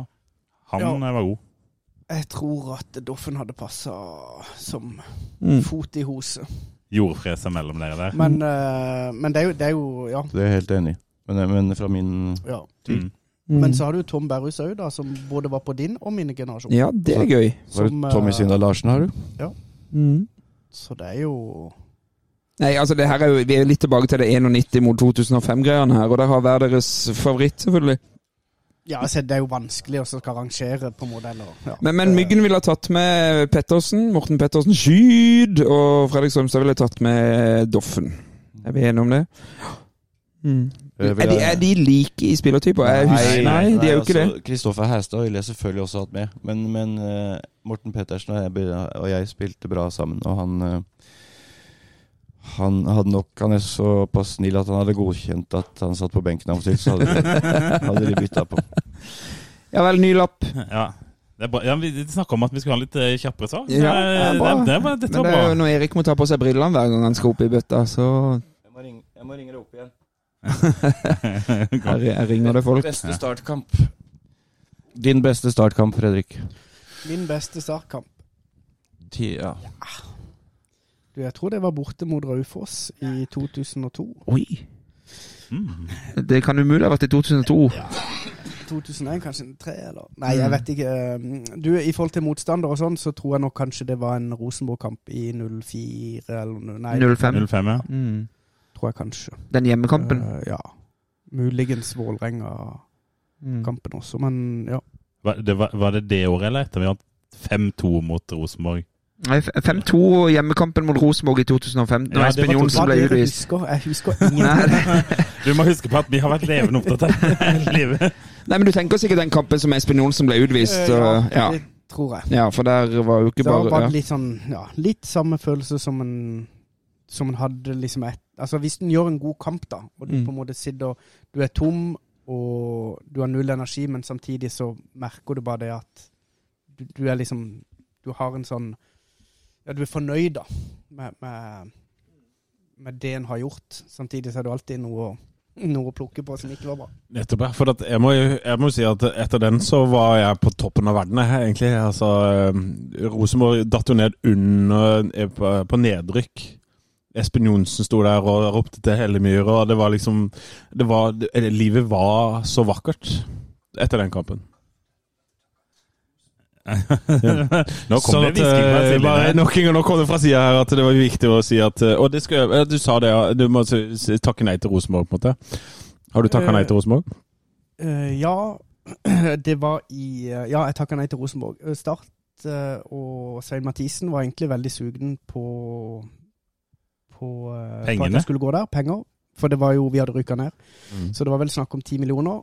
Men uh, for meg så ble det liksom feil. Uh, det var jo på en måte selvfølgelig smigrende at en så stor klubb ønska at du skulle spille, men for meg så var det liksom viktig å, å være i, i Start, som var planen fra jeg var liten, og så også få sjansen til Få sja- sjansen, eller en større sjanse til å eh, prøve meg ute i Europa. Og jeg må bare si at i de intervjusekvensene i den tida der eh, i Å rykke ned og ha en klubbprofil som Fredrik Strømstad som sier det at jeg vil ikke til Rosenborg, jeg vil heller til utlandet. Og hvis jeg skal være et sted i Norge skal spille i Start For oss så betyr det eh, en million. Og nå klapper til og med Erik Mykland. Det er helt nydelig. Men da, Da er det veldig rart at når han uh, har lyst til å spille for Start igjen i 2012, så får ikke han lov. ja, ja, det Ja, det kunne vi hatt en hel episode om, Fredrik. Det, Den nå, da. Vi har jo den episoden nå, da, så fortell litt om det. da 2012, Fredrik. 2012? Ja, det var jo når ja, du fikk da skulle du vel hjem fra Frankrike, vel? Da, Mm. eh, da var det slutt på eventyr i Frankrike, og så Og så fikk jeg tilbud etter hvert om å spille i start. Og så var jeg der i fire måneder, og så var det slutt. Over og ut, egentlig. Hva skjedde så? Eh, hva som skjedde så? Nei, Mm. da spilte jeg vel en kamp i Tigerberg i 2013. Mm.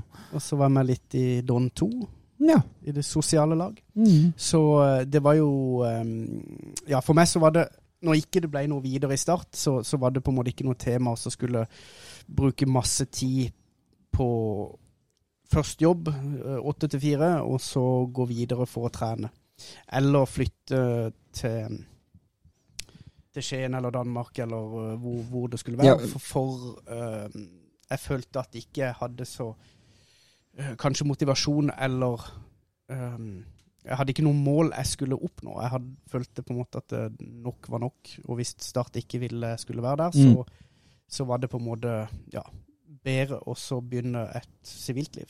Men for dette, jeg tenker, vi er jo jevn gamle, og vi var vel list, Eller når vi kan prate om det, da, men 31 år eller noe sånt nå på den tida der. Og det, det høres jo ut som en, en tidlig alder å gi seg, når det ikke var sånn alvorlige skader involvert. Ja, det kan du si. Uh, For du hadde altså, veldig vitterlig noe å gi fremdeles på den tida der. Du, eh, absolutt. Men hvis jeg skulle gitt noe, så ville jeg gjort det i start.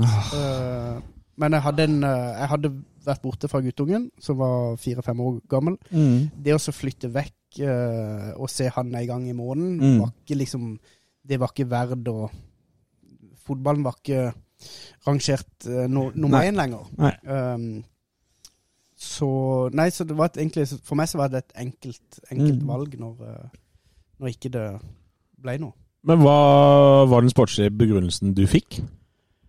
Eh, Fikk du, liksom, fikk du beskjed om at du ikke var god nok, eller var det, var det kontrakten som var vanskelig å bli enig om, eller altså, hva, hva uten å, Du trenger jo ikke utlevere verken den ene eller den andre, men, men på en måte eh, For oss var det jo rart at ikke du fikk kontrakt. Ja, det, det Jeg syns jo også det på den tida, at ikke det var rart. Jeg, jeg skjønte jo litt hvor, hvor det gikk, uh, i og med at kontakten med treneren ble mindre og mindre, og at den ikke var uh, At den spilte mindre og mindre utover. Uh, det vi må huske på, var at den siste, siste halvåret i Frankrike så satt jeg stort sett på benken, for de skulle satse på unge spillere. Så jeg hadde jo ikke all verdens av kamptrening. Og ko, kom inn Du snakka i stad om at du var for snill til et par ting, og det her er jo akkurat det. Du var jo mer enn god nok. Du, ja, men, men, men eh, sånn kort fortalt så, så, så trenger du litt tid på å komme på en måte i gang igjen. Og så følte de sikkert at de ikke var gode nok. Begrunnelsen som jeg fikk fra Mons Ivar, var vel egentlig det at uh, han visste ikke helt åssen jeg, jeg takla det hvis, de, hvis jeg havna på benken. da. Uh, Det er jo Unnskyld at jeg sier det er en ræva begrunnelse, men det er meg, da. det, var, det var noe spesielt. Det var ikke noe sånn uh, lønn Ja, det, det Mm. var glansbilder. Mm. så, så jeg fikk, jeg fikk egentlig ikke noen sånn eh, god begrunnelse for at ikke, at ikke de ønska meg videre, da. Så Det høres ut som en bullshit-begrunnelse. Unnskyld at jeg sier det. Men, eh, men du det må jo vært et eller annet, da. ja, Ja, ja. ja. Men jeg fikk ikke noe sånn spesifikt at det var det er det, noe, eller det. det er jo ikke noe man sier om Mjelde-sak, det her er jo en klubbsak. Det er altså når en type som Fredrik eh, er frisk og rask og 31 år gammel og kommer hjem fra Frankrike, eh, det er ikke noe person, peke på en person, men de fleste burde jo sett, Mm. sett det. da. Så er det ikke sånn at man skal ikke slakte folk av den grunn, men poenget er at det, var, det, det hadde vært Det hadde gagna alle, da. Det er jo Ja. ingen som misliker han, og han er forholdsvis god fotballspiller og, og elsker klubben, så da når du slår de tre tingene sammen, så blir det jo greit. Men hvis jeg skal være djevelens advokat her da, Fredrik. Eh, du hadde slitt benken i Frankrike, var litt rusten i for formen. Eh, du ville hjem til start. Mons Ivar var redd han måtte hive deg på benken fordi ikke du var fit nok. Var det, kan, du, kan det være tanken? Er det, er det grunnen, tenker du? Altså, du var jo Jeg- inne på det. Ja, altså, nei, jeg tror Men kunne du ha trent deg i form, ikke sant? gitt deg to-tre måneder på benken der, og så hadde du vært uh, good? Jeg, jeg tror jo det at um, uh, sånn, Og det gjelder egentlig alle, da. Uh, alle spiller uansett hvem det måtte gjelde, så tror jeg jo det at i løpet av ei oppkjøring på fire måneder, så kommer stort sett alle i, i, i god form. Og så handler det jo på en måte om trygghet og tillit over tid. Eh, det gjelder alle spillere. Så, uh, så begrunnelsen, den på en måte kjøper jeg ikke sånn. Jeg tror det ligger noe annet som, Ja. bak som ikke ville si, da. Mm. Uh, men hva det var, det, det vet jeg ikke. Men det spiller for så vidt ikke noen rolle. Det er jo, det er jo mange, mange år siden. Og. Men eh, nå må jo han der andre få svare på det. Ja, altså for dette, det var jo han ved siden av deg. Han fikk jo faktisk eh, lov til å så, eh, komme med et comeback eh, ga, eh, betydelig mye mindre kampform enn deg. Sånn at eh, Det må være lov å si det, Erik. At eh, kampform hadde du ikke, da. Men men eh, hvordan var det hvordan Nei, men Vi kan jo ta spørsmålet, der, for nå har Fredrik svart Rosenborg som sitt eh, Ja. beste startkamp. Eh, Erik, du hadde vel en 169 168 startkamper. Hvilken var din beste? Min personlig beste. Min personlig beste. Din personlige Det- beste, ja. Det er jeg ikke eh, helt sikker på, for at uh, Det var noen kamper som det mye stemte for deg sjøl, og så var det noen kamper som mye stemte for laget. Men det er jo laget du har vært mest opptatt av, da. Så kanskje du tar lag Da ja, altså, måtte jeg skrive spørsmål i, i flertall. Det var din beste startkamp, ikke deres beste startkamp. Ja. Eh, jeg tror- Alle de spørsmålene du ikke liker, de kommer fra lytterne våre. Ja, men, jeg- men jeg, husker, jeg, husker, jeg husker noen kamper eh, blant annet. Jeg husker Lyn. Lyn, Lyn 7-0, og, og så var det Strømsgodset 7-1, og så var det selvfølgelig Viking og Rosenborg. Mm. Men var du, i var, du, var du isolert sett også veldig god i de kampene? Ja, det var ikke, da måtte man være god, for da var alle, alle var gode. Mm. Men mitt beste startminne, det kan jeg si, det var når jeg trente med Start første gang. For da merka jeg at jeg takla nivået. Og det tror jeg er det beste minnet de fleste har, eh, eller veldig mange har. Når du først får prøvd deg på A-laget, og trene, og du spiller mot Svein Mathisen og Klaus Efto og, og Pål Ydersen og Tor Løvland. Og så, fun så når du legger deg på kvelden etter den første treninga, og du merker ok, jeg har noe her å gjøre, da, Mm. da er det det beste. Og jeg har det helt motsatt. Å ja, gøy! Jeg, jeg, jeg følte at uh, over mange måneder at jeg ikke mestra uh, det nivået i det hele tatt. Oh ja. Fram til egentlig første kampen der jeg slapp til. Uh, ble kasta inn egentlig litt sånn uten at jeg uh, forventa det. Og så merka jeg det at liksom Nå mestra jeg det, plutselig. Ja vel. Mm. Så, Så- men, så mens var- Erik merker det etter første trening, så Nei, men ja. altså forskjellen det er ikke motsatt. For at når du spiller på treninga, så spiller du mot de som faktisk er gode nok til å spille Eliteserien. Altså, jeg tenkte vel ikke at jeg kom til å være veldig god i alle kamper eller spille bra første kampen, men jeg merka at jeg har noe her å gjøre. Det var det viktigste. Mm. Og så er det som Fredrik sier, når du merker at du spiller en kamp, det da kommer karakteren din fram. Det er noe annet.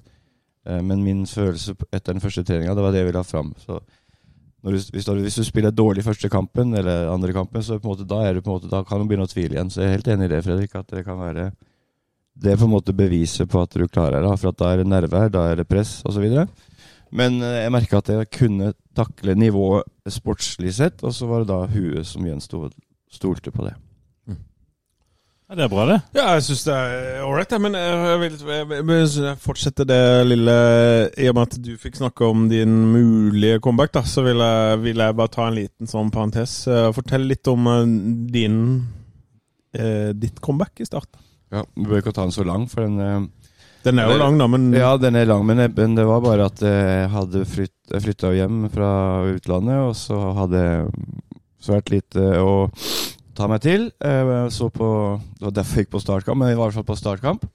Og da så, så snakka jeg med Svein Mathisen, og så sa jeg her her hadde vi vunnet mye kamp. Altså Her så det deilig ut å spille, og det var ikke ment som noe som helst invitasjon eller spørsmål, for at det var ikke i form. Og så så jeg, så er Mathisen sånn som, sånn som han er. Var, dessverre. Og da sa han hvis du mener det, så kommer jeg til Risør i morgen og sjekker. Og så spurte han, kom han til Risør, så meg inn i øynene og spurte om jeg hadde lyst til å prøve, og så sa jeg ja. Um, Ja, det er fett, altså. Ja. Men uh, det som var interessant da, det var at det, det var jo ikke Det var jo ikke, overhodet ikke for å komme ut og dominere, det var bare for å Ikke bare, men det, hadde, det, det var ganske Det har noe med noen større ting å gjøre. Og så er det alle de tinga som jeg hata å gjøre før, da, sykle, styrketrening, alt det her, det måtte jeg gjøre i tre-fire måneder fra halv Jeg kjørte fra Risør klokka seks om morgenen, sykla, styrketrening og tilbake. Hver dag. Og da Det var to ting jeg beviste for meg sjøl da. At huet, hue, disiplin eh, Ikke bare eh, moro og galskap, men huet, disiplin og gjøre ting som du faktisk da ikke nødvendigvis må gjøre, men du gjør for din egen del. Det betydde mye mer om hva om en pasning gikk skeis, eller om ditt og datt. Og så var det helt ok eh, å spille fotball igjen, men, men det var alt. Men hvor men, Den der uh, Sandnes-Ulf-kamp når du kommer inn det er, altså det er vel Det er vel en av de Det er vel kanskje den nest best besøkte kampen på Sør Arena. Uh, når du debuterer mot Sandnes-Ulf. Eh, Redebuterer Lars Benestad. ja da. Mm. Ja, det var- Redebuterer.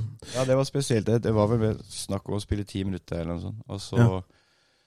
To busser fra Risør. Jonas og Pelle, som da er guttene mine, på tribunen. Og så kommer 11 000 og skal se på en som ikke altså, Som Fredrik sikkert skjønner, at, at det kan ikke i nærheten av det jeg var. mm. Men eh, såpass at jeg kan være utpå der. Uh, og da, men eh, og så, så går det det- Så blir jeg bytta inn. Jeg har aldri vært så nervøs for at Det er jo ikke noe gøy når så mange mennesker kommer for å se på et eller annet som de håper skal være det samme som et eller annet bilde de har en eller annen gang bak der. Samtidig som det er en enorm glede. Jeg ble jo nesten litt rørt av å tenke på det. Mange Vi òg. Vi òg. Ja, så det var, det var stort eh, å gjennomføre, og så var det Det beste med den tida der var måten garderoben tok meg imot på, for at jeg kom inn der, og så var jeg en avdanka fotballspiller som Og da mener jeg til de grader avdanka. Og det miljøet tar deg imot på en ekstremt bra måte. Alt fra Rune Hægeland til, eh, til kaptein på laget. Så fotballmiljøet er ekstremt bra på veldig mange områder. Husker du det, Fredrik? Du, eh, jeg var faktisk hjemme fra Frankrike den tida, og satt på tribunen. Mm. Og nøyt øyeblikket Mm. der uh, Erik gjorde comeback.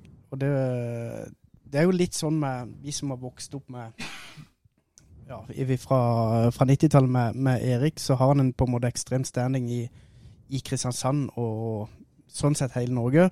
Uh, og det, det er ikke så mye han trenger å gjøre. Eh, Så blir man på en måte begeistra, for man har på en måte lever på de, de gode minnene. Jeg, jeg husker jeg så et TV-intervju etter av en Start-supporter der Erik egentlig hadde slått den enkleste pasninga. Eh, og han var nesten på gråten og sier det Han kan, kan fortsatt! Ja, ja, altså, det kunne vært meg, det. Og du, og du snakker om de 11 000 som var der, Erik. De var der for å se deg. Ja. De var der ikke for å se Start akkurat den gangen der. Og det Og så tenker jeg, jeg er jo uenig i at de sto der og, og forventa at du skulle være noe du var før. Nei, jeg, jeg forventa meg sjøl. Ja, for, at, eh, for, for, for vår del så var det bare litt sånn som vi egentlig ville med deg, Fredrik. Var at du på en måte er en del av Start. Eh, Du har vært en, et ikon, og det å bare få deg tilbake er litt sånn ok. Og når, du, når Myggen kom tilbake, så var det sånn Det var fint. Det er liksom Det, det er her du er. Det er her du Men, Du er blant oss, men jeg føler ikke altså, det, det, Hvis det hadde vært noe trøstepremie for publikum, så hadde jeg, så hadde jeg, hadde ikke orka. Men for meg så var det sånn Jeg Ja, ja, følte at jeg skjønner. bidro på en annen måte enn bare altså, Ikke så mye på det sportslige, selv om jeg tror jeg har positiv statistikk. Men jeg tror at eh, jeg bidro innad i, i garderoben. Og var seriøs på en helt annen måte enn jeg har vært før, noen gang før. Men tror du ikke at du gjorde medspillerne dine eh, veldig gode i kraft av at du var der? Det er et stort spørsmål.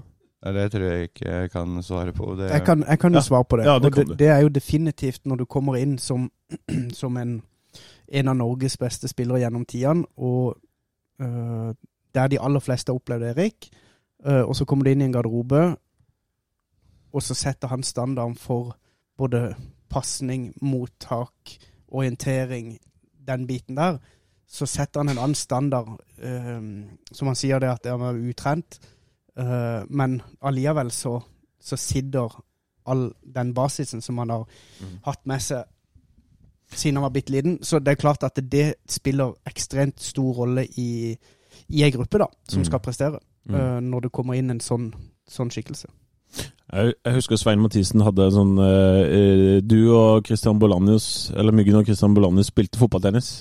Så sto Svein Mathisen ved siden av megabøyes. Det er jo det er fotballtennis! Det er verdensklasse! Det er verdensklasse!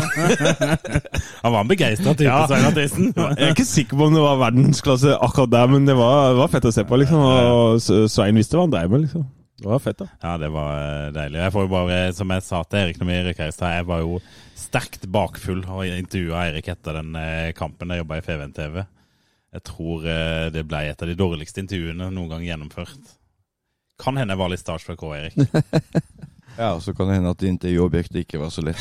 Sånn Jeg tror vi gjorde hverandre dårlige, kanskje. Du, nå tror jeg vi tar en liten, liten, liten pause, og så kommer vi tilbake med en jingle. Jeg er ikke ferdig! Nei, kjør! Jeg er ikke ferdig. Nei, vi er ikke ferdig riktig ennå. Vi har litt igjen. Kan vi ikke ta, det er et par spørsmål til i bøtta der, uh, Erik. Uh, Det er det. lagt fra deg brillene igjen. Ja, da, da får han skarpsynte Første gang jeg spurte folk hvor det Fred, Fredrik gir solbrillene til det var Erik. solbriller. Spørs om ikke flere bør ha noen briller der borte. Jeg har to par briller. Ett uten den ene der. Skal vi se. Skal vi se hva det blir denne gangen. Skal vi se. Hvorfor drakt nummer sju? Den kan jeg svare enkelt på, i mm. hvert fall. Ja. Uh, det var 1977. Så kom mamma hjem fra tur til London med Liverpool-drakt og Kevin Keegan og nummer sju. Ja. Så da var jeg solgt, for da hadde de fått tippekamp hver lørdag, halv fire. Og da hadde jeg, jeg hadde sett han på banen, så nummer sju ble det etter det. Så du er Liverpool- og Lillestrøm-fan, er det du sier? Nei, eh, Lillestrøm kan du bare hoppe over. Så det, ja, det var, det var det den tida. Ja, riktig. Riktig, riktig. Fredrik, syv. Du, det var Erik Mykland Ja. som eh, En gang til. Erik Mykland. Deilig. Erik Myggen Mykland. Du, det var Nei, men det, det var jo på en måte store forbilder uh, i start på den Mm. tida, Mm. naturlig nok. Mm. Uh, så da Ja, da ble det jo det. Stort sett hatt, hatt det hele livet, tror jeg. Mer Mm. eller mindre. Vi er flere som har spilt med sjuer pga. myggen. Ja, du hadde sånn. sju i Frankrike òg? Ja. ja. Ja, Heldigvi, Heldigvis, så gikk jo syveren videre til en annen klubb. Hva er syv på fransk? Sett. Ja, bra. Å, test der. Er det, er, det, er det språkprøve her òg, Vedestad? ja, ja. I forhold til det. Da må vi spørre Erik, hva er syv på gresk? Efta. Ja, se det. Men lærte du noe særlig gresk? Altså når man er, alt, alt gikk på gresk, alle spillermøter helt fra start av. Eh, så venstre høyre aleine, mann i rygg, eh, rett fram, eh, opp i lufta. Så sånne uttrykk som det, det lærte jeg selvfølgelig veldig kjapt. Og så ble jeg lat, da, for jeg ble kjent med en albaner som som eh, tok meg eh, rundt og viste meg rundt, og han kunne veldig bra engelsk. Uh, til alle dere unge spillere der ute, lær dere språket der dere spiller, fordi at det kan brukes eh, både i nåtid der Og Og nå knirker jeg stolen, sier OECD-Rune Hegland.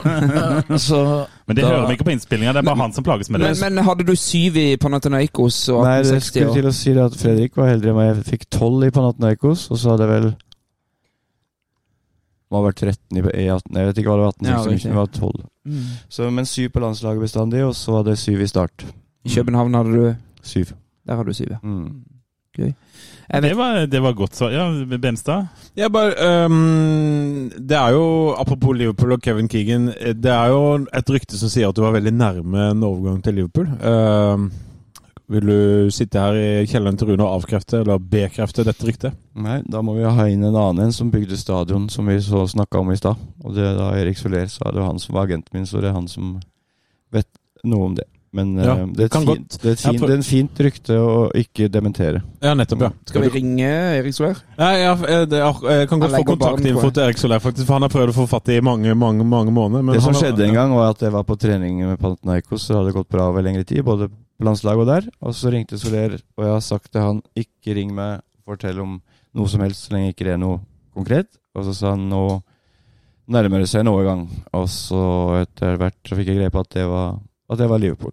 Og så Jeg føler at jeg har fortalt historien så mange ganger før, men de hadde en ung spiller som heter Steven Gerrard, som de heller ville satse på. Eh, og det var jo et greit Elendig Ja, det var helt elendig valg, altså. Nei, men Det, husker men fordelen er jo at da slapp jeg å bli Liverpool-supporter, så det er jo greit. da. Nei, men det, det var i hvert fall det jeg er blitt fortalt, og, og det, det er en deilig historie å, å, å kose seg med. Men Ja. eh, det skjedde jo ikke. Nei. Mm. Men Følger du med på Liverpool fremdeles, eller er det mer sånn? Ja, det gjør jeg. Eh, og det er ikke noe stygt sagt om Vegard Heggem, Frode Kipp eller Stig Bjørneby eller, eller Vindre Leonardsen, for at det, de spilte bra. Men når du vokste opp med Kenny Dalglish og, og Ian Rush og de, så var det så uoppnåelig. Så den perioden der, eh, da var det stort, og så har det falna, falna litt etter hvert. Mm. Fredrik sa at han hadde nummer syv pga. det. Og Mm. da tenker jeg, hvis du tar opp den siste lappen i den bøtta, så tror jeg det bringer oss veldig vakkert videre. For der står det, Fredrik Han klarer ikke å lese hva du skriver, Lars. Ditt beste minne om han andre? mm. Så vi kan Nei. begynne med det, da, Fredrik. Hva er ditt beste Det er ganske- minne fra Er Erik ikke det ganske Mykland? nært i tid, Du, er mitt beste minne Nei, mitt beste minne uh, Du har selvfølgelig masse sånn kamper og litt sånn. Uh, men noe av det første jeg husker, det var når uh, jeg var på fotballskolen med Start. Og Erik og Frank Sandli eh, De lå lettere henslengt på, Det kan jeg huske.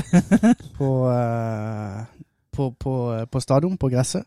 Vi spilte kamp, eh, og egentlig bare det at de så altså Hvis du gjorde en finte eller skåret eller et eller annet, at de så det, det var eh, det var, det var stort eh, der og da. Så det er liksom Den påvirkninga som på en måte forbilder har for, eh, for andre, da, det, eh, det, er, det er ganske viktig. Uh, men og det var, det var det nest beste. Det aller beste, det var egentlig første gang jeg skulle ut til, i utlandet og prøvespille for uh, FCK.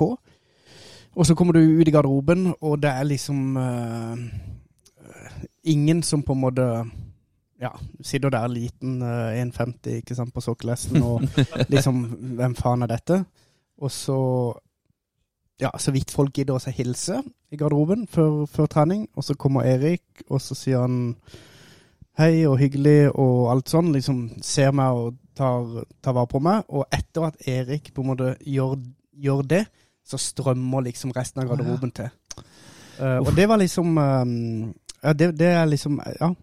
Ikke sånn fotballmessig, Nei, men liksom det der sier noe om Erik som person, Mm. da. Mm. Nydelig.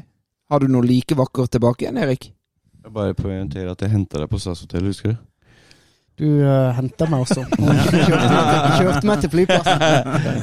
Deilig. Eh, Hva får du protokoll for, ført? for, meg- for meg så handler det om at det var hver eneste dag på trening Tror han har fle bedre, bedre treningsoppmøte. Rune Hægeland, nå skal jeg snakke litt, så kan du være så snill. uh, eh, når du så Fredrik på trening, da, han hadde bedre treningsoppmøte enn jeg hadde på, på 90-tallet. Eh, som han var en liten pjokk. Sier det mest om deg, eller, Fredrik? Nei, jeg var, altså, det skal jeg love at jeg var seriøs når det gjaldt trening. Så det handla ikke om det, men det handla om at Fredrik var der. Eh, og jeg- det husker ikke jeg så godt, men Fredrik eh, banka på døra. Jeg bodde i samme gate som deg. Og så var du fem-seks år gammel, og så banka han på døra og ville spille fotball. Og da gikk vi ned i gata og, og Har du fortalt meg. eh, triksa og, og, og sånn. Og så, når du da i forlengelsen av det ser en kamp på stadion i 2005 eller 2006 eller 2004 eh, med, med Fredrik i hovedrollen, da, så er det for det første så ekstremt sterkt i forhold til den gutten han var. For at han var ikke bare en ballente, han var en stille ballente som var talentfull, men allikevel sikkert sleit litt med Ok, kan jeg bli god nok når jeg er så liten, sånn som jeg også har gjort, da, og som man har blitt fortalt. Så det er bare det å se han på banen eh, dominere kamper, måten han spiller på, gleden han viser, og Altså, det er et bilde på stadion der de har tatt sølv, og så smiler han med sånn Han holder hatten, og så kikker han opp i, i, i lufta, så er det det guttungen har blitt eh, voksen i forhold til eh, alt, da. Så det var Ja, det var stort. Det nei, nei, Nå, nå sukker Trond Haugland godt borti sofaen der. Ja, dette var vakkert, da. Ja. Men ringte du på døra og spurte uh, Vil du være med ut og spille, Erik? A-lagsspilleren, har du lyst til å være Du, med? eh, ja, det han og Johan Sverre Hansen bodde jo et par eh, hus bort, på bortsida. Og jeg, hvis ikke jeg på en måte følte at Og Sjeleglad for å komme ut av den kjelleren der. Jeg hadde på en måte kjent Erik lite grann via ja. som, eh, som ballhenter, da. Offisiell ballhenter. Eh, Så hadde jeg jo aldri dunka på, på døra, men der og da så var han jo frekk nok til å, å gjøre det. Men det fineste er jo at han faktisk åpner opp og så går ut, da. Nei, men det var som Fredrik sier, det var ikke Vi hadde jo sett hverandre daglig og hatt dype samtaler på, på treningsfeltet. Så. Dype samtaler. Men det, det er klart at det, det var jo dødsstort. Ja, ja. Bare det at uh, han var med ned på den lille trekanten som var Mm. Ja. Men var det kun Erik som var med, eller fikk du med, tok Erik med seg en annen spiller? Eller det var Du, nei, nei, det var jo det var, Nei, altså Det var nok noen flere Du, det, det var Erik, og så var det nok et par uh, kamerater i, eh, av meg som, Ja, som, som var som spilte. Tipper Kim Strømme var med. Uh, Strømme var nok, uh, var nok med. Ei- Ja, hvis ikke det var A-team men jeg har litt av det samme som deg, Fredrik. Uh, det, en A-lag var mine forbilder, for det var det nærmeste. ikke sant? Og de sto alltid og hedda ballen fram og tilbake til hverandre eh, før treninga starta. Og så sto jeg rett ved siden av og håpa for guds skyld at de missa, og at de missa i min retning. Sånn at jeg kunne hedde ballen tilbake igjen. Og det hendte at de missa, da, og det tror jeg var bevisst. Men selvfølgelig, da Det, var, det er jo det samme. Eh, Du hadde jo til og med en helt på Riise. Hva, hva het han? Helge Eriksen. Ja, ja, hva kan jeg? Ok. Ja, ja. Hvem tenkte du på? Nei, jeg, jeg hadde en fotballtrener en gang fra Risør, og altså, i min verden så hadde jeg tenkt at det, det var helten til Myggen, men det var det jo ikke da. Der ble den Der var den Nei, men det var mange, det var mange helter. Jeg Ja. kan ta hele laget, men det var, det var, det var mange gode. Men dette handler jo om uansett nivå, at man har eh, A-lagsspillere, voksne spillere man ser opp til. Og jeg håper bare for guds skyld at det er sånn i denne byen også nå. At eh, man kan banke på til Sander Sjøkvist og, og stå og trikse med han i en alder av seks-syv år. Og uh, når det gjelder de spillerne som er i, i klubben nå, eh, så tror jeg det er sånn. Jeg håper Men, det. men spørsmålet er om det er eh, noen Fredrik Strømstad Mm. som banker på døra til Sander Sjøkvist. Mm. Fordi at Sander Sjøkvist han åpner og blir med ut. Ja, Men om det fins en liten kid der ute som, som De går jo rundt og har lyst til å banke på døra til Haaland og Messi og Ronaldo. på en måte, De driter vel i hva Og de bor ikke her! Nei, hva var det du kalte han i Risør, liksom? Altså, det, det, det er jo å, å få, få helter som er innenfor rekkevidde, da, istedenfor bare se til eh, stjernene. Mm. Og det var kloke ord. Det er bra. Nå er vi tom i bøtta, men vi har jo masse annet vi kan gå gjennom. Jeg tenker vi skal begynne å jobbe oss mot et eh, Drømmelag. felles drømmelag for disse to her. eh, Da med startspillere. De er jo null forberedt på det, selvfølgelig. Ja. Men det blir jo kamp mellom Dimitri Muraru og Rune Nilsen. Hvem skal vi velge? Steinar Pedersen, Tore Løvland. Altså, vi er på der. Ja, Så må vi legge premissene. Så må dere slutte å si For nå, må det, nå har vi holdt på ganske lenge, så nå må dere slutte å si sånn ah, det nytter ikke å sammenligne. Nå må dere bli enige om én spiller eh, uansett. Så jeg kjører vi, ikke vi to hadde ikke vært gift lenge, altså. Du sier vi må. Vi skal, og du skal. Så noe her. vi skal ha et felles drøm. Nei, bare tulla. Nei, men vi kan godt finne et drømmelag. Men eh, det, da har vi Fredrik kan starte hvem uh... Lars Benestad kan ha veto. Nei, ja, jeg har veto i alle, bortsett fra eget eget skal vi ta da utgangspunkt i et system, da? 3-5-2. Ja, det kan Da vi jo. blir det mye, da blir det mye 1991. 4-3-3. Ja. Eh, ta- jeg vil jo eh, Jeg vil jo egentlig begynne s- kanskje med Frode Olsen bak, jeg, altså. Jeg vet ikke om vi skal være helt enige. Jeg tror vi bare tar og diskuterer. Vi kan ta hvert sitt lag, kan vi ikke det? Nei, men da tar vi Frode Hva sa du? Ja, Frode Olsen. Det, men for meg så handler det litt liksom om, om de, de gamle heltene, da. Eh, og ikke bare kvalitet, men, men uh, Kan det også være litt sosiale biter inne i bildet? Ja, det syns jeg Jeg tenker at, jeg tenker at begrunnelsen trenger ikke kun være sportslig. Det kan være hvilken som helst Og hvis dere har en god historie dere vil dele, så ja. Frode Olsen i mål. Ja. Ja. Eh, The, the Så tar vi en trebackslinje da med Klaus Eftevåg, eh, Pål Lydåsen og Atle Roar Haaland. ja, nå må Vi må jo tenke litt på hvem vi utelater her òg, da. Da er, det da, Skal ikke tenke på hvem vi utelater? Jo, jo, jo, dette er jo god radio, Da da. han eh, Du har det godeste eh, Og han som skåra så jævla mye mål på Marius. Johnsen. Yes. Ja. Ja, Marius Johnsen. Ja, men ja. Så har du Ja, Men vi tar Så de har du Steinar Pedersen, selvfølgelig, og så Tore Løvland og? Jørgen Hammersland. ja, men vi Helge tar litt. Ja. Eh, vi, Bård Borgersen. Vi i podden her kjørte jo tilsvarende her for noen episoder siden, og vi landa vel på Jesper Mathisen i Nei. den eh, trebackslinja der, Lars Benestad. Ja, det var bare for å lage litt baluba, da. Ja, ok. Eh, men var dere enige om Klaus Eftervåg, Pål Lydåsen og Atle Roar Haaland? ja, vi er enige om det. Vi kjører Ja. den. Fredrik Eh, skriver under på den. Dette går jo Skal vi, skal vi ta våre to lag, eller skal vi ta med Svein Mathisen og det her? Da blir det vanskelig. Nei, her som sagt, hvis dere er uenige om en Tidenes posisjon startlag, eller? Ja, Ja, ja, ja. Dere startlag. sammen. Ja, men eh, tiden Altså, det er, er det er, det er få vanskelig. lyttere fra gull, eh, gulltiden. Mm. Så at det, det, blir, det blir innenfor deres karriere, da. Mm. Og så ettertid. Der er det jo Så tar ingen. vi Skal vi ta midt Fy faen, altså. 3-5-2. Skal dere, skal dere dere sjøl? Toto Dalen og Frank Strandli på topp. Ja, de, ja. Er du med på det, Fredrik? du uh, er, definitivt. hvem er, hva er alternativene? Balagarba. Han når ikke helt opp Nei, der. Han er nydelig fyr, eh, men han når ikke helt opp. Du hadde Toddy Jønsson, men han er ikke Han har vært for kort. Han er ikke uh, verken uh, språkmessig eller Hvis vi skal være veldig Ja. stygge. med Nei, men, men eh, Nå føler jeg det ligger et eller annet her. Jo, men altså Todd Jønsson spilte jeg sammen i København. Ja. og Han er sannsynligvis en av de beste spissene jeg har eh, vært borti. Han, var- han var helt rå.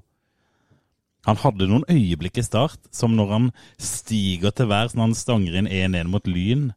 Ja, den er fin. Eh, tre minutter på Det er fingeren til Tom Nordli, vi husker hvor den kampen er. Sett noen hoppe så høyt som han Men, gjorde men da. jeg tenker på midten da, så må vi ha en treer sentralt, og de to, to av de plassene er jo gitt, tenker jeg. Der må dere jo sette dere selv. vi, kan vi velge et lag som blir litt lettere? Det blir litt lettere hvis vi velger et lag uten oss sjøl, eller skal vi være med? Ja, det må dere se helt sjøl. Da tar vi Fredrik Strømstad høyreving. Nei, Nei, men kan vi ikke Vi kan jo dra på sjøl, kan vi ikke det? Jo, jo, det kan vi gjerne Mm. Hestad. Enig med det. Morten Pettersen. Morten Pettersen, ja. Så er det veldig mange andre, altså. Ola Klepp, Tommy Sindal Larsen. Uh, Øyvind Klausen, eller? Tom Bærhus. ja. Det har vært mye gode midtbanespillere. eh, Bolanios. Er jo da wing. Donatas. Donatas, ja. Slobodan Milosevic. Oi, oi, oi. Boban oi. med de hvite strømpene.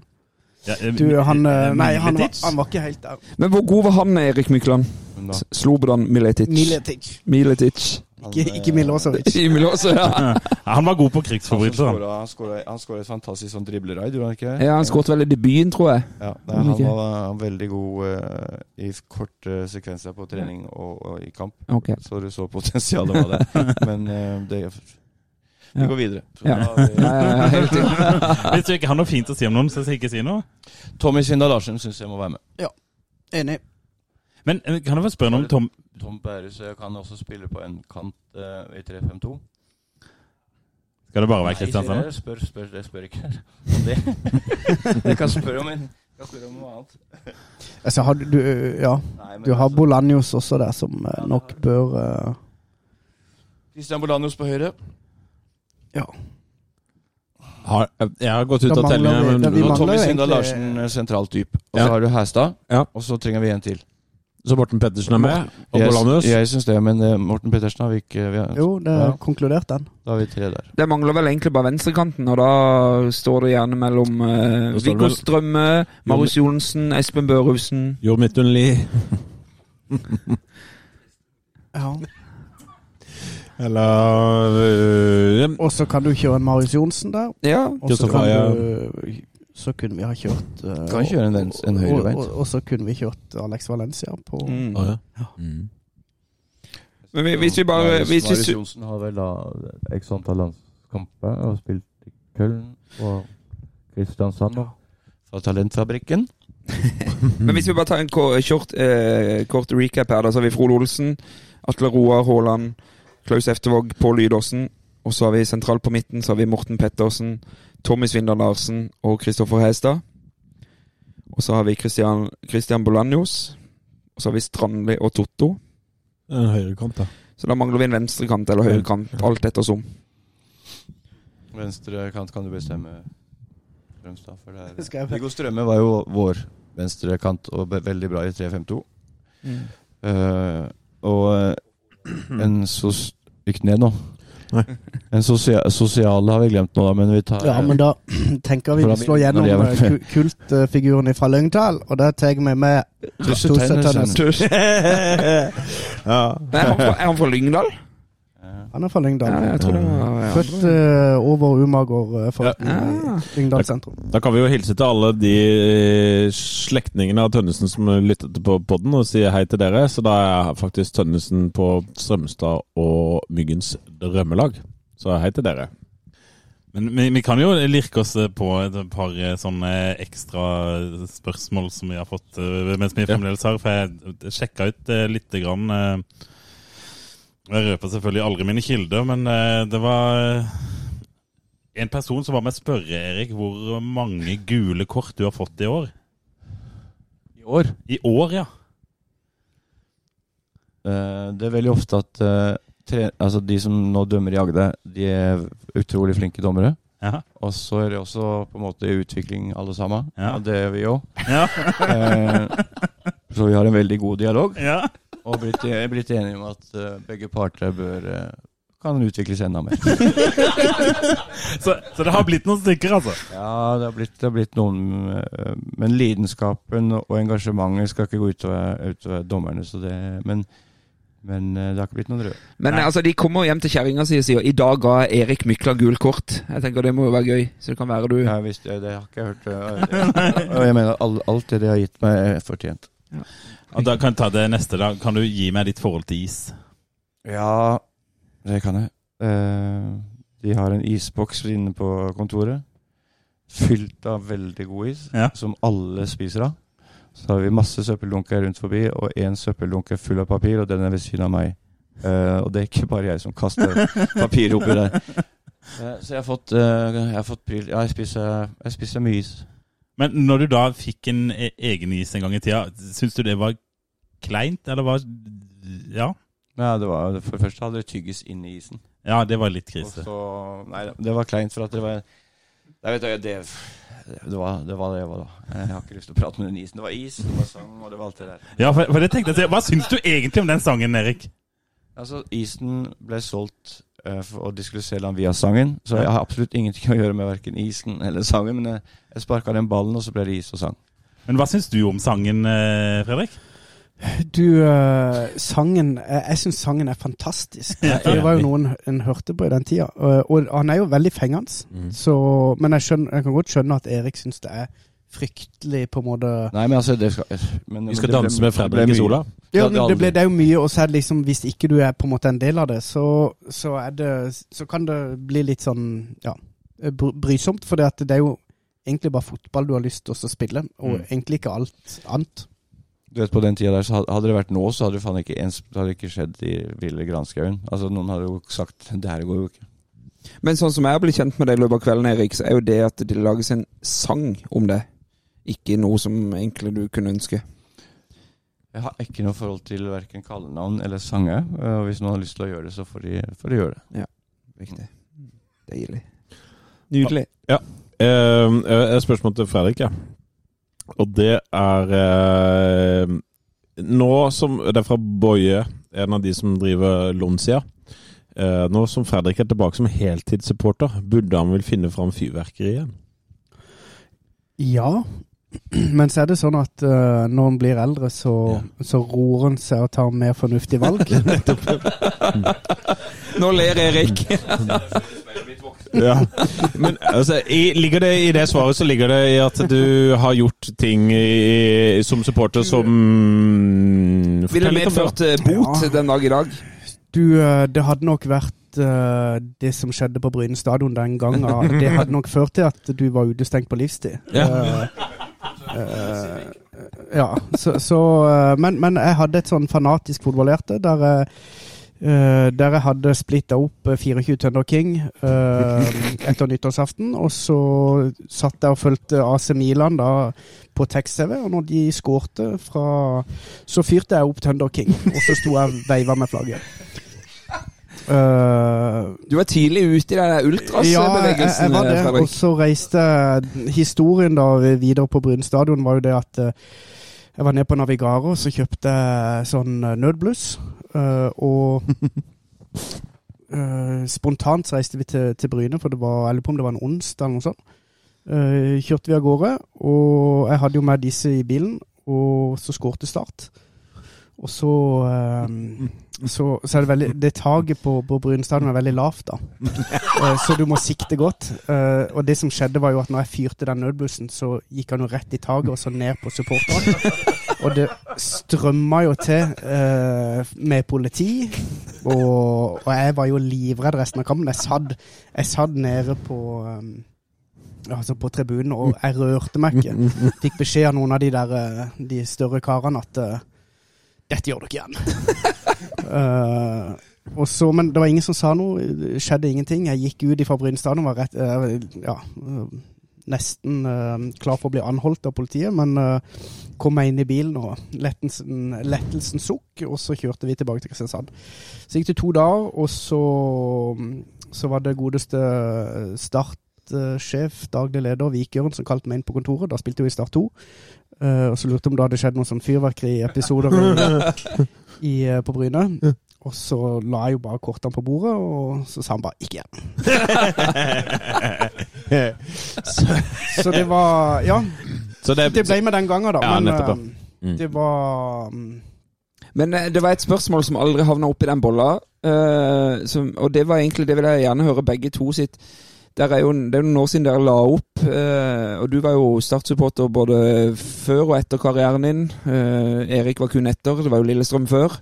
Så Vi må slutte med det der. Men, men Erik, eh, så, sånn, vi har vært innom ditt beste spillerminne og sånn. Har du et sånn supporterminne, altså fra tribunen, som står veldig sterkt for deg?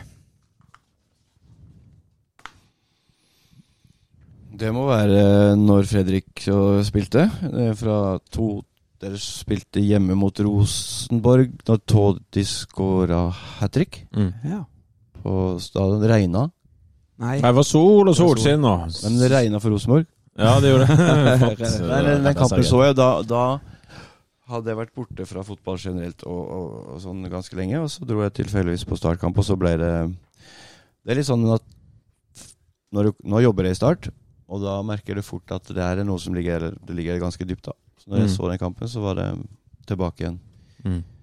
Jo lenger vekk man beveger seg, er ganske lett å miste forhold til en klubb, men det er ganske enda lettere å få det tilbake. da Mm.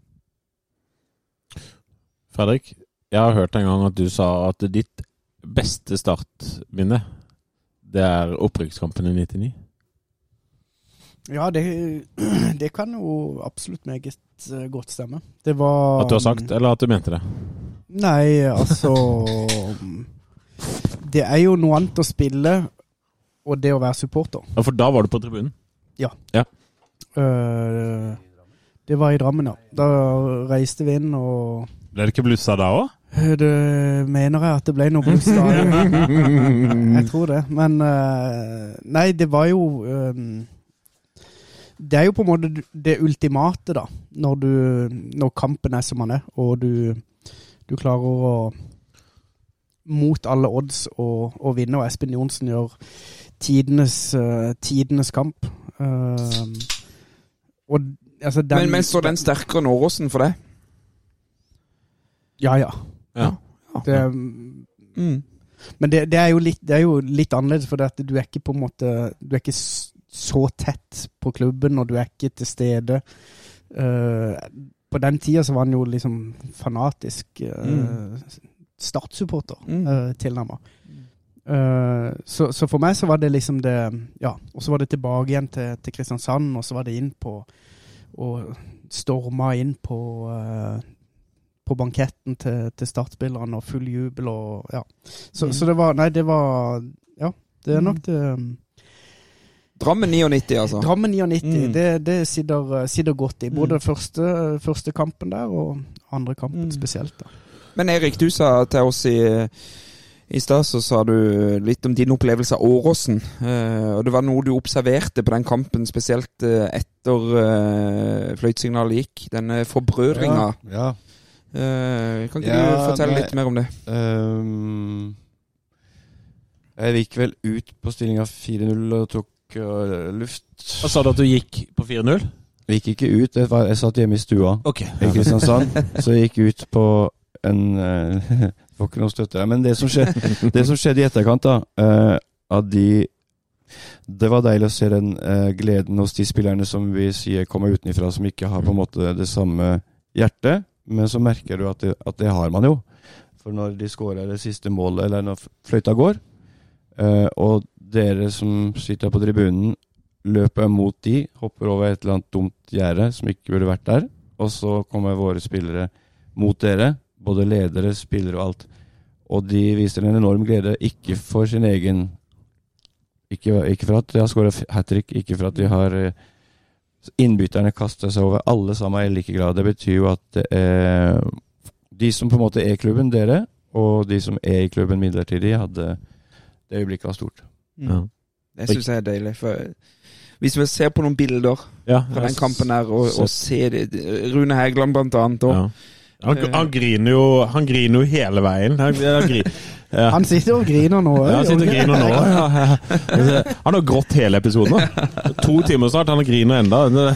Hei, Mathias Grunnekjern fra IK Start. Jeg er så heldig å spise maten fra Fristing Catering hver dag på Sparebanken Sør Arena. Det kan du òg gjøre. Trenger du catering til små eller store anledninger, gå inn på fristeren.no. Når det gjelder god mat, er det lov å la seg friste. Det lakker og lir, gutter. Ja. Det er jo min viktigste jobb i denne podkasten, å si at nok er nok. på en måte. Det er det jo ikke. Hvis jeg ikke er der, så snakker jo du faen meg i det uendelige. Det er korrekt, faktisk. Men, men uh, jeg vil bare si til slutt, da, dere fa- uh, Altså to av mine viktigste menn i livet. Eh, Tusen takk for at dere stilte opp i podkasten. Fredrik Somstad og Erik Mykland. Det er uh, Veldig hyggelig. Ja, det har vært en ære å ha dere her. Eh, og det beste av alt er jo at jeg har fått meg persienner hjemme i stua, Fredrik. Så eh, jeg er veldig glad for det. Eh, så hva heter firmaet ditt, bare sånn at vi vet at, eh, hva vi skal hva jeg skal google? Det jeg driver med solskjerminger. Ja. Rekto heter det. Ja, nettopp, ja. Ja. La du merke til at han sa det er veldig tydelig? ja. Så, men et, et salg uh, seint på kvelden, det er Ingenting som er bedre enn det? Nei, nei, nei. Er helt fantastisk. Ja. Dobbel pris, men det er det verdt for en av mine Der gikk denne. Nå Nå, tenker nå, nå! Det Nå var ramler signalet. studio ned her. Da sier vi uh, heia Start. Men, men Eh, eh, Heia Start, eller? Ja, hva sier dere, sier gutter? også heia Start. Heia, heia. Heia Start. Heia Start. Vi tar en av. Jeg ser inn i 22 resignerte ender! Hvor er gløden? Hvor er engasjementet? Jeg har ingenting å tape!